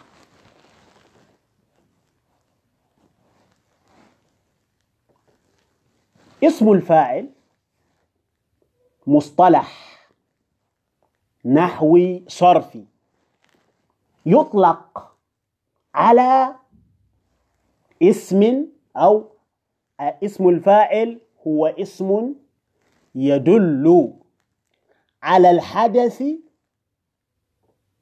وصاحبه. مرة أخرى اسم الفاعل اسم يدل على الحدث المنقطع. وصاحبه أي والذي أحدثه. اسم يدل على أن اسم الفاعل حتى من المصطلح لا يكون إلا اسما لا يكون من الفعل ولا من الحرف. يدل على الحدث والحدث هناك حدث دائم ثابت وهناك حدث منقطع. مثلا عندما أقول زيد صبور أو صابر فالصبر صفة له. حدث الصبر حدث يقع منه. وهو في الغالب حدث لازم. يعني منذ أن خلق منذ أن وجد يتصف بالصبر. وهكذا يبقى بإذن الله تعالى إلى يوم القيامة. يعيش صابرا ويموت صابرا. ويبعث إن شاء الله في زمرة الصابرين. اللهم اجعلنا منهم. إذا هناك حدث ثابت وهناك حدث منقطع متجدد. عندما أقول زيد نائم ها زيد نائم فالنوم حدث من زيد وهذا الحدث لا يمكن أن يكون دائما. يعني كل إنسان على قيد الحياة لابد أن ينام ولا بد أن يستيقظ من نومه. إلا النوم المعنوي نوم العقل نوم الجسد لا يكون دائما. أما نوم العقل يكون دائما هناك من ولد نائما وبقي نائما وهكذا وهكذا حتى يدفن نائما. ونعوذ بالله من هذا النوم العميق الذي لا نهاية له إلا جهنم وبئس المصير. طيب هناك حدث منقطع وهناك حدث ثابت. اسم الفاعل يدل على الحدث المنقطع. وصاحبه. فقولنا الحدث المنقطع يخرج ما يدل على الحدث الثابت. وهذا اسم الفاعل يؤخذ من الفعل يشتق من الفعل. والفعل الذي يشتق منه اسم الفاعل إما أن يكون ثلاثيا أي على ثلاثة أحرف أصلية وإما أن يكون على أكثر من ثلاثة أحرف. بغض النظر عن كونه مجردا أو مزيدا. الفعل الذي يؤخذ منه اسم الفاعل إما أن يكون على ثلاثة أحرف وإما أن يكون على أكثر من ثلاثة أحرف سواء أكان مجردا أم كان مزيدا. فإذا كان الفعل على ثلاثة أحرف يؤخذ منه اسم الفاعل بالقيام بالأمور الآتية. الأمر الأول فتح أول الفعل. أول الفعل مفتوح. فتح أول الفعل الماضي. يؤخذ من الفعل الماضي. فتح أوله. والفعل الماضي لا يكون أوله إلا مفتوحا. إلا في بعض الأحوال مثل قلت لعلل صرفية آتي بالفعل الثلاثي فأبقي أوله مفتوحا ثم أزيد الألف. هذا الأمر الثاني. الأمر الأول فتح الأول. الأمر الثاني زيادة الألف بين الأول والثاني. الأمر الثالث كسر ما قبل الآخر. مثلا عندي سجد. اسم الفاعل أقول ساجد. ما الفرق بين سجد وساجد؟ زيادة الألف بين الأول والثاني وكسرة ما قبل الآخر. هذا هو الفرق فقط. إذا اسم الفاعل من الثلاثي يتم بأمرين زيادة الألف بين الأول والثاني وكسر ما قبل الآخر. سجد ساجد نصر ناصر ظلم ظالم صبر صابر سمع سامع. علم عالم وهكذا. اسم الفاعل من غير الثلاثي. غير الثلاثي وهو ما كان على أربعة أحرف أو على خمسة أحرف أو على ستة أحرف يؤخذ منه اسم الفاعل ب يعني يؤخذ منه اسم الفاعل من مضارئه يؤخذ من مضارئه يؤتى بالفعل المضارع. فيحذف منه حرف المضارعة المضمومة. مثلا أخرج يخرج. أحذف حرف المضارعة المضمومة. وأضع في محلها ميما مضمومة. فقط. مع مراعاة ما قبل الآخر. فإذا كان مكسورا أبقي على كسره. وإذا كان مفتوحا كسر. لفظا أو تقديرا. يخرج اسم الفاعل مخرج. الفرق بين يخرج ومخرج إبدال حرف المضارعة ميما مضمومة. كرم يكرم مكرم. الفرق بين مكرم ويكرم إبدال حرف المضارعة ميما مضمومة. استمع يستمع مستمع. الفرق بين يستمع ومستمع إبدال حرف المضارعة ميما مضمومة. تعلم يتعلم. اسم الفاعل متعلم. الفرق بين يتعلم ومتعلم إبدال حرف المضارعة ميما مضمومة وكسر ما قبل الآخر. هذا هو اسم الفاعل. أما الصفة المشبهة فتعريفها الصفة المشبهة تعريفها هي ما يدل على الحدث الثابت. ما يدل على الحدث الثابت. مع صاحبه. يدل على الحدث الثابت وصاحبه. والأصل مثال يعني يدل على الحدث الثابت وصاحبه. مثل الحليم. يدل على الحلم الصبر. ويدل على صاحبه. والحلم صفة ملازمة. والحسن يدل على الحسن ويدل على المتصف بالحسن. والحسن صفة ملازمة لصاحبه. القبيح يدل على القبح ويدل على صاحبه. والقبح صفة ملازمة. القصير الطويل الجميل وهكذا. طيب عرفنا اسم الفاعل وعرفنا الصفة المشبهة. وهناك فروق دقيقة بينهما. أهم الفروق أن اسم الفاعل يدل على الحدث المنقطع والصفة المشبهة تدل على الحدث الثابت الدائم الذي لا ينقطع مع الإنسان مع المتصف به طوال حياته. واسم الفاعل بصيغه السابقة يؤخذ أصالة من الفعل المتعدي من الفعل المتعدي. وهو الثلاثي الذي على وزن فعل مثل نصر ناصر وسجد ساجد وضرب ضارب. ومن فعل المتعدي مثل علم الدرس عالم. فهم فاهم سمع سامع ويؤخذ من بقية أوزان الفعل المزيد والشرط أن يكون الفعل متعديا. استخرج مستخرج تعلم متعلم. أحسن محسن اسم الفاعل يؤخذ من المتعدي. والمتعدي إما الثلاثي وإما غير الثلاثي والثلاثي إما على وزن فعل وإما على وزن فائل أما الصفة المشبهة فهي تؤخذ من الفعل اللازم تؤخذ من الفعل اللازم. والأصل أن تؤخذ من بناء فأولى أو بناء فائلة. بشرط اللزوم. فأولى مثلا عندي كرما فعل على وزن فأولى يؤخذ منه الصفة المشبهة فأقول كريم.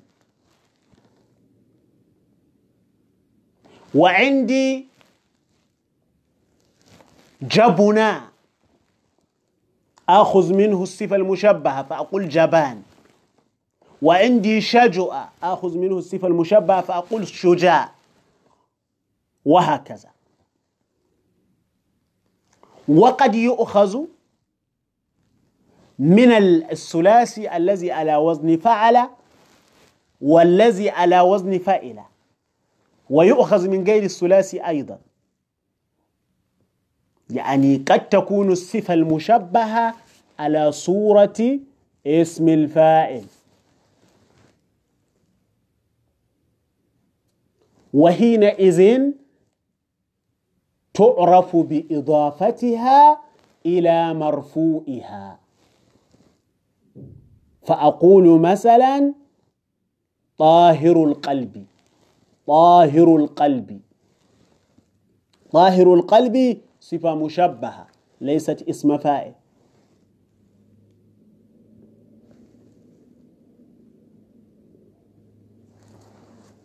مستحضر. أها. مستحضر أو مستخرج زيد. مستخرج زيد. يعني زيد فاعل لمستخرج ولكنه أضيف لأنه صفة مشبهة. طيب. ولعلنا من خلال هذا فهمنا معنى اسم الفاعل ومعنى الصفة المشبهة. وقد أشرت إلى أن بينهما تقارضا. اسم الفاعل يأتي على صيغة الصفة المشبهة مثل عليم. عليم مأخوذ من علم وعلم فعل متعدي والأصل أن يقال عالم لكنه يقال عليم من باب التقارب ومثل فقيه من فقه بمعنى أدرك المسألة وسبق غيره إلى إلى فهمها. فالأصل أن يقال فاقه لكن يقال فقيه من باب التقارب. وكذلك الصفة المشبهة. قد تكون على صيغة اسم الفاعل مثل طهراء على وزن فأولى. الأصل أن يقال طهور صفة مشبهة. ولكن يقال طاهر بدلا من طهور من باب التقارب. وعندي فرح يقال فارح من باب التقارب. طيب السؤال لماذا قالوا طائر صفة مشبهة ولم يقولوا اسم فاعل ولم يقولوا إنه اسم فاعل؟ الجواب أن طاهر بمعنى طهور يعني بمعنى الصفة المشبهة. وطهور أكثر وأفصه استعمالا. ومن ثم لم يرد في القرآن الكريم غيره كقوله تعالى وأنزلنا من السماء ماء طهورا. لم يقل ماء طاهرا ماء طهورا. فالطاهر بمعنى طهور. فكما أن طهور صفة مشبهة فإن طاهر أيضا كذلك. بالإضافة إلى أن المشهور في فعله طهور بضم الأين ولا يأتي الوصف منه إلا على صيغة من صيغ المشاب من صيغ الصفة المشبهة أصلا.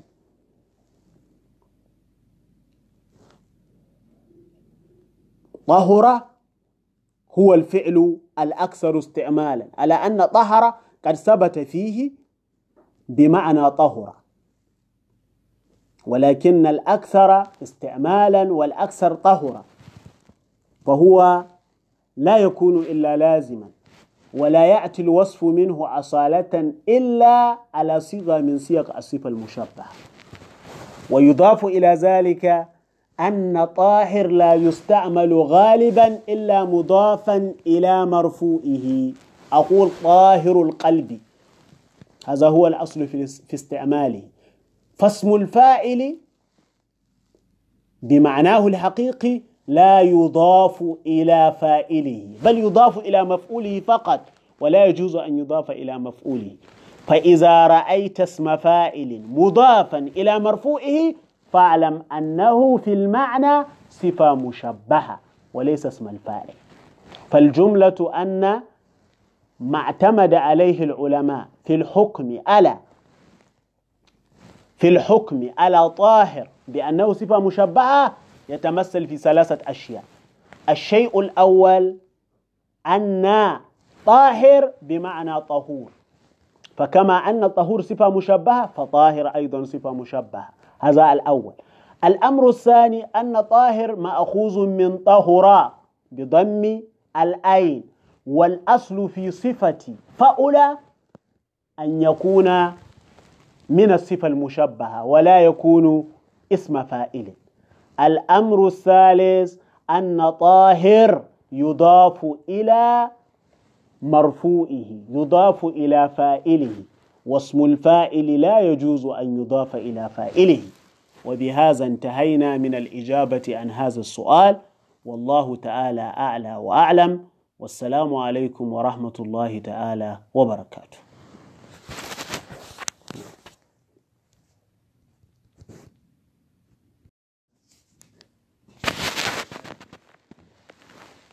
بسم الله الحمد لله والصلاة والسلام على رسول الله وعلى آله وصحبه ومن والاه.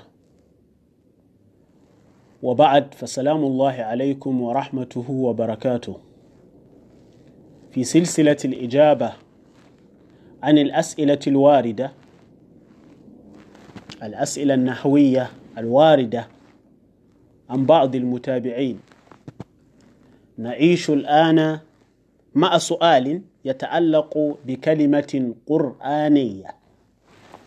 يعني كلمة وردت في القرآن الكريم وهي كلمة ضيظة ضيظة هذه الكلمة بالضاد المكسورة ثم الياء ثم الزاي المفتوحة. وردت في قوله تعالى في الآية الثانية والعشرين من سورة النجم. قوله تعالى تلك إذا قسمة ضيزى. قسمة ضيزى. ولا خلاف بين العلماء في أن هذه الكلمة مكونة من ثلاثة أحرف أصلية. وهي الضاء ثم الياء. وهذه الياء إما أن تكون على ظاهرها يعني ليست مقلوبة من شيء وإما أن تكون مقلوبة من الواو كما سيأتي. ثم الحرف الثالث وهو الزاي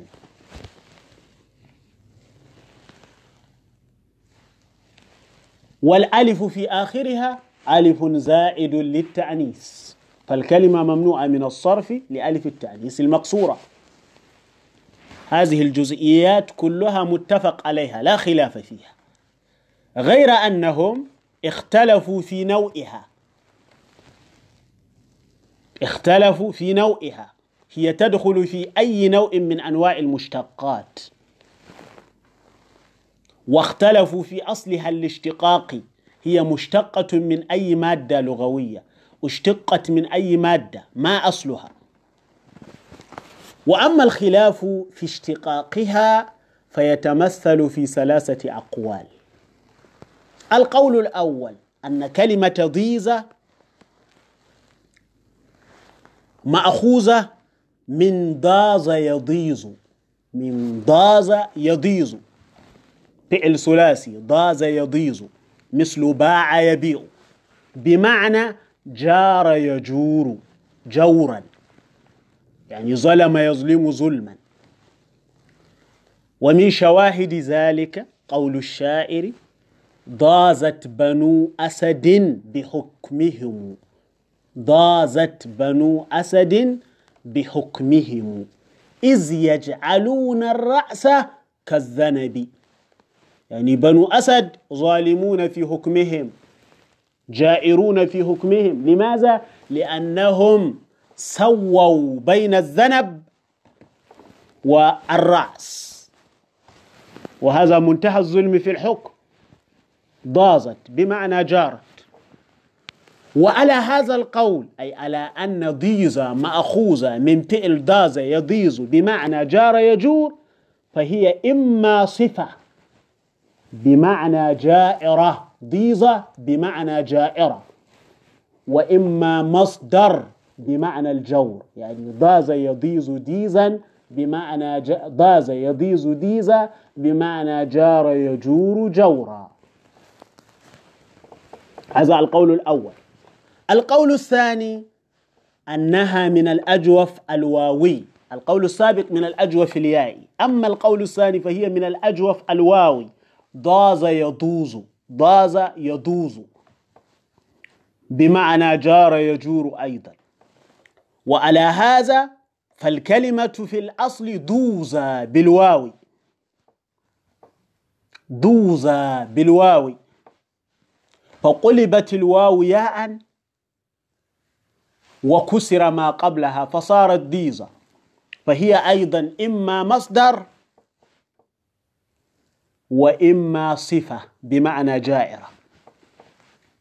القول الثالث أنها من ضعز يضعز أي من الفعل الثلاثي المهموز العين مثل سأل يسأل. ومأس يمأس. ضعز يضعز بمعنى نقصه ظلما. ويشهد لهذا القول الثالث قراءة ابن كثير من القراء السبعة رضي الله عنه. يقرأ الآية تلك إذا قسمة ضعزى ينطق بالأصل. فعلى هذا فضيظة مقلوبة من ضعزى فسهلت الحمزة الساكنة المسبوقة بالكسرة سهلت بإبدالها ياء. هذه الأقوال الثلاثة في اشتقاق الكلمة يعني في تحديد أصلها الاشتقاقي. وهي على الأقوال الثلاثة إما أن تكون صفة بمعنى جائرة أو ناقصة وإما أن تكون مصدرا بمعنى الجور أو النقص. وإذا كانت صفة من يضيز فهي إما في الأصل ضيزة ضيزة بضم الضاد والياء الساكنة على وزن فعلة مثل طوبى وهبلة. فقلبت الضمة كسرة لرعاية الياء. فصارت ديزة كما أن بيض جمع أبيض مقلوب من بيض. بيض أصله بيض كحمر وصفر وسمر. على فعل. فقلبت الضمة كسرة لتسلم الياء للمحافظة على الياء. وهو أي هذا القول ما نقل الإمام الزجاج الإجماع عليه صاحب معاني القرآن وإعرابه. نقل أن هذا القول متفق عليه بين النحويين. وفيه نظر لثبوت الخلاف. وإما على وزن فعلا. فتكون ديزا على ظاهرها. يعني السؤال الوارد عن وزن هذه الكلمة. ما وزن كلمة كلمة ديزا فبناء على الأقوال السابقة في الاشتقاق إما أن تكون على وزن فعلة وإما أن تكون على وزن فعلة. يعني فعلة في الأصل وفعلة في الظاهر. وإما أن تكون فعلة لفظا وتقديرا دون أي تغيير مثل مشية وهيكة. بمعنى بمعنى مشية هيكة. يعني مثل مشية هيكة. ثبت عن العرب مشية حيكة بمعنى مشية فيها تبختر. الاعتداد بالنفس يعني. ومثل رجل كيصى بصاد.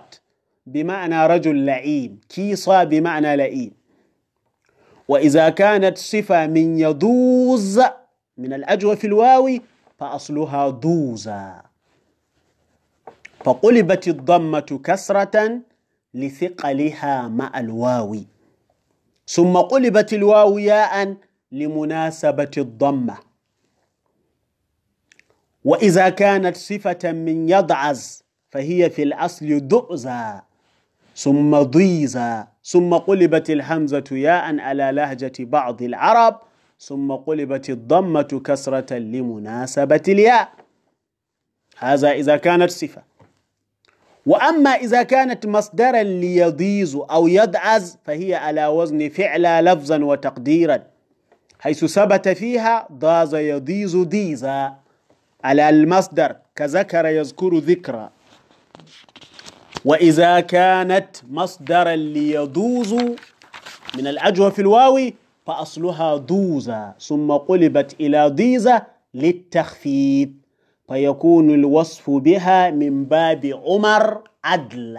قسمة قسمة ضيزة نحو عمر عدل يعني نسبة المصدر إسناد المصدر إلى الذات. ولا بد أن يكون فيه تعويل.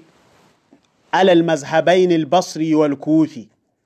على المذهب البصري نقدر مضافا. اسمة ضيزة التقدير قسمة ذو ضيزة عمر عدل التقدير عمر ذو عدل.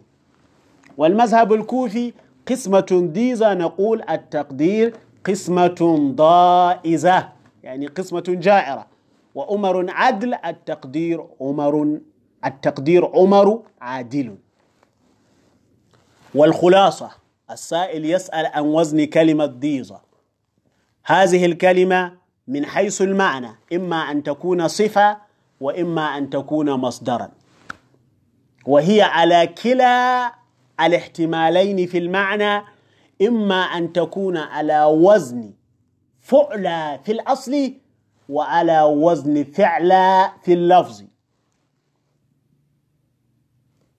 وإما أن تكون على وزن فعل لفظا وتقديرا. وفي أصلها الاشتقاق ثلاثة أقوال. إما أن تكون من الأجوف الياء وإما أن تكون من الأجوف الواو وإما أن تكون من الفعل المحموز العين. والله تعالى أعلى وأعلم.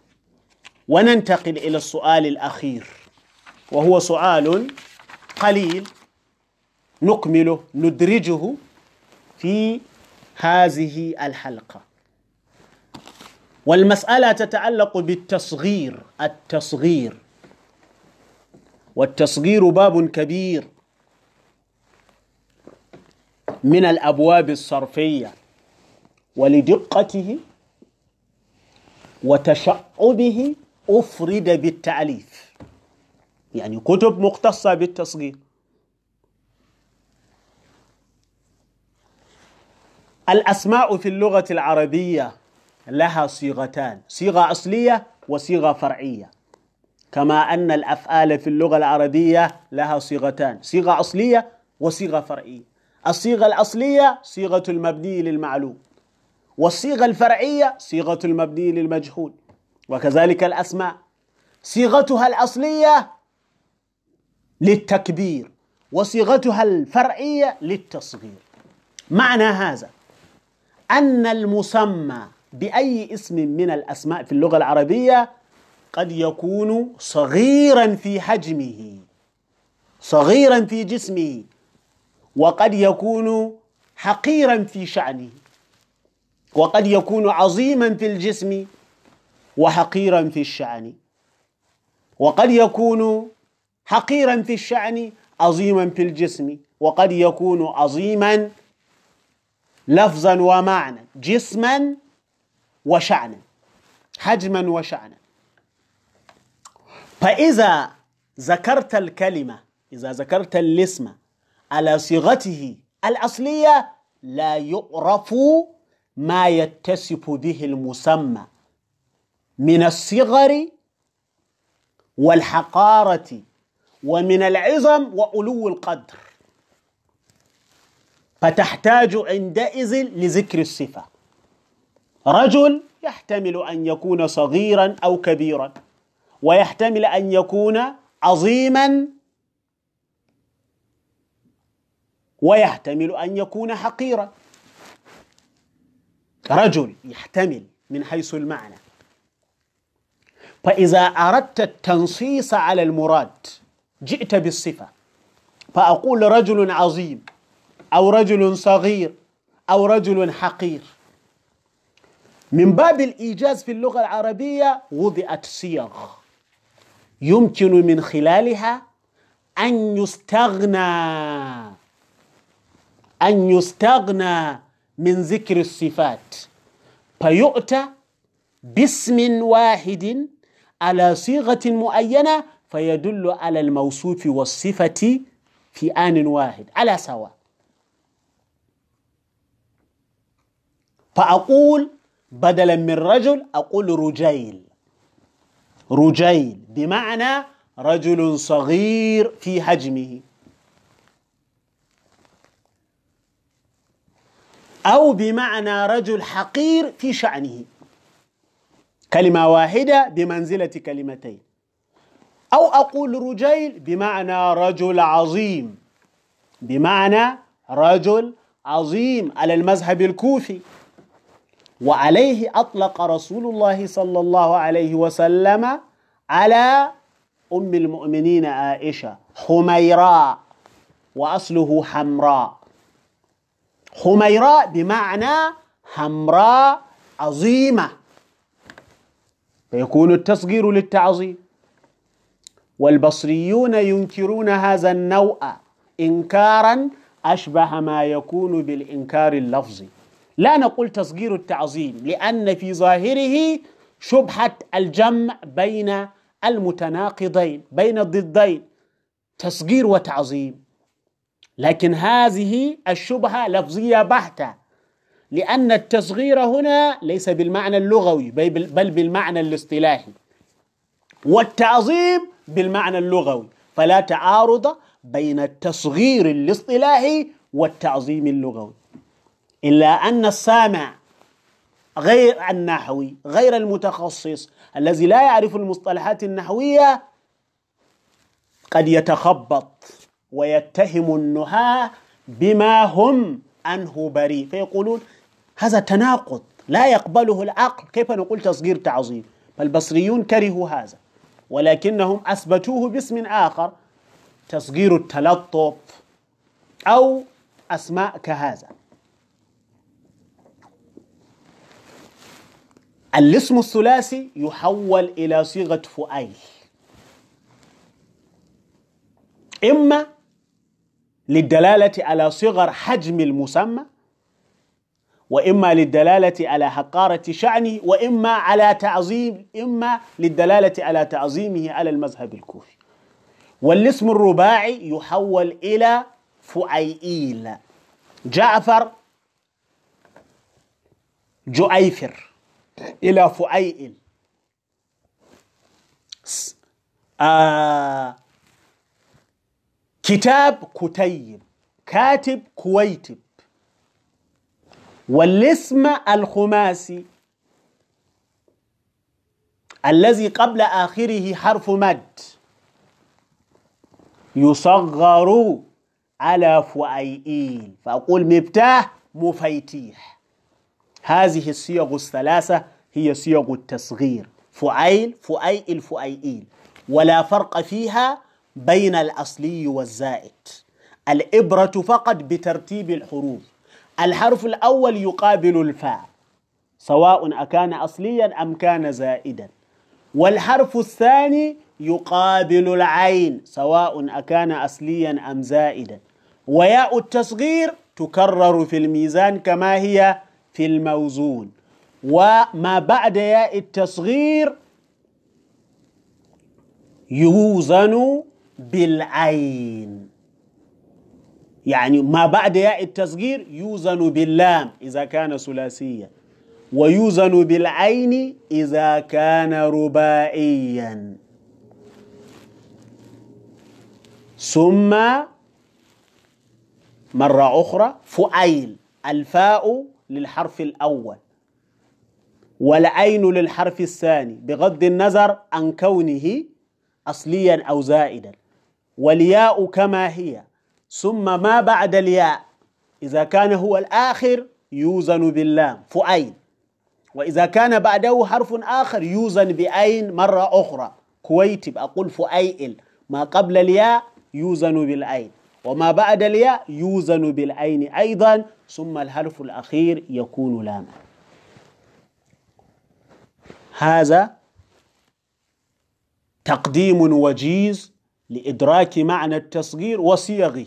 والسؤال الوارد في المسألة كيف تصغر كلمة حبارة وكلمة قبعسرة حبارة اسم ثلاثي مزيد فيه بحرفين الألف بين العين واللام والألف في آخره.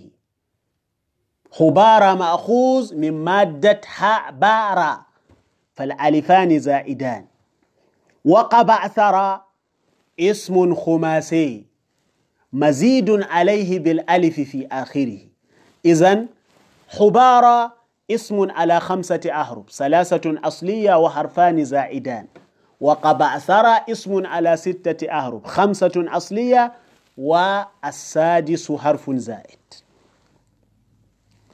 فالقاعدة في الاسم الخماسي. الاسم الذي على خمسة أحرف.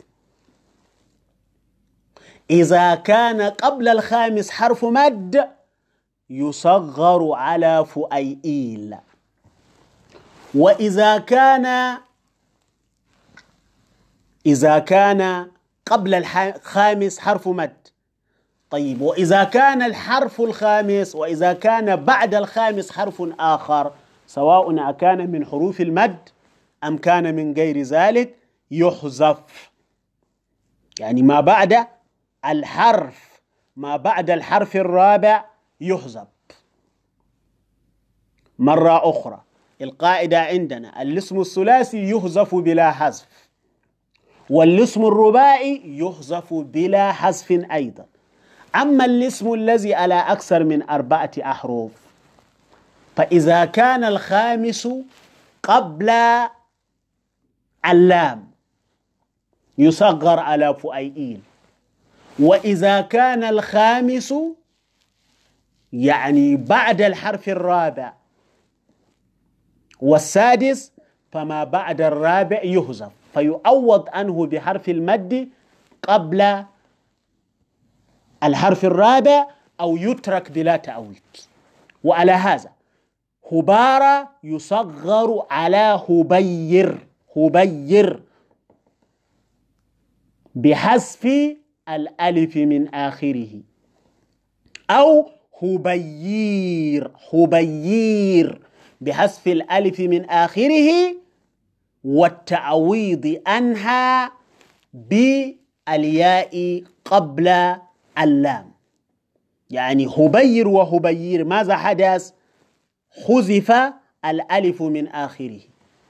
وقلب الألف قبل لامه ياء مدغما فيها ياء التصغير. ومثله يقال في تصغير حبنطة يقال حبينط. وأما قبعثر فيصغر عند الجمهور على قبيعس يعني قبعثر الاسم الخماسي عند تصغيره يجب أن يحذف منه حرف أصلي المجرد الخماسي. هناك خلاف بين العلماء في تهديد المحذوف. الجمهور على أن المحذوف هو اللام. آخر حروف المجرد الخماسي هو الذي يحذف عند التصغير. وبعضهم أجاز أن يحذف ما قبل الآخر إذا كان من حروف الزيادة. أو إذا كان بينه وبين حروف الزيادة بعض المشابهة. فعلى مذهب الجمهور نقول في تصغير قبعثرة قبيئس أو قبيعيس. بحذف الألف من آخره والراء التي هي الحرف الخامس. قبيئس أو قبيعيس على مذهب الجمهور. بحذف اللام الثانية أي الحرف الخامس والألف الزائدة. كما يقال فريزد في تصغير فرزدق. وسفيرج في تصغير سفرجل. ويجوز أن يصغر عندي هذا ما أفهم. يجوز أن يصغر على قبيعر قبيعر بحذف الثاء بدلا من الراء. الألف لابد أن يهزف طيب أحذف الثاء ما قبل الآخر بدلا من الآخر. أحذف اللام الأولى بدلا من اللام الثانية.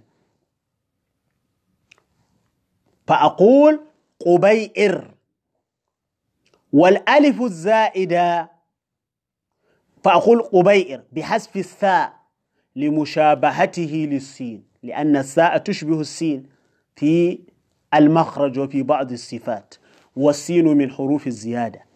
كما ذهب بعضهم إلى تصغير فرزدق على فريزق فريزق بحذف الدال بدلا من القاف. لما بين الدال والتاء من المشابهة والتاء من حروف الزيادة. ولكن المؤول عليه مذهب الجمهور يقال قبيئس في تصغير قبعثرة والله تعالى أعلى وأعلم. وبهذا انتهينا من هذه الأسئلة النحوية التي وجهت إلينا من بعض المتابعين وهي أسئلة سعدت بها دقيقة وجميلة. فلذلك أحببت ألا تكون الإجابة عنها إجابة شفوية. تسجل وتنشر وينتهي أمرها. فحرصت على تقييد الإجابة. فالأجوبة المرتبطة بهذه الأسئلة دونتها وكتبتها في رسالة صغيرة سميتها بالفوائد الحثية من المسائل النحوية. كتبت الرسالة في أربعة أيام ثلاثة أيام تقريبا في حدود أربعين صفحة. الفوائد الحثية. يعني الحثية بمعنى المهمة. الفوائد المهمة. إنه كان بي حثيا أي مهتما. فالحثي على وزن فعيل. وكل اسم على وزن فعيل يستعمل بمعنى فاعل. ويستعمل بمعنى المفعول. فهي هنا في اسم الكتاب بمعنى المفعول يعني الفوائد الحثية الفوائد المهمة من المسائل النحوية. وأرجو أن ييسر الله لي مراجعة الرسالة مراجعة دقيقة وإضافة بعض النكات إليها حتى تكون صالحة للطباعة والنشر. والله تعالى أعلى وأعلم. والسلام عليكم ورحمة الله تعالى وبركاته. الله. يرضى الله يرضى عنكم سيدي.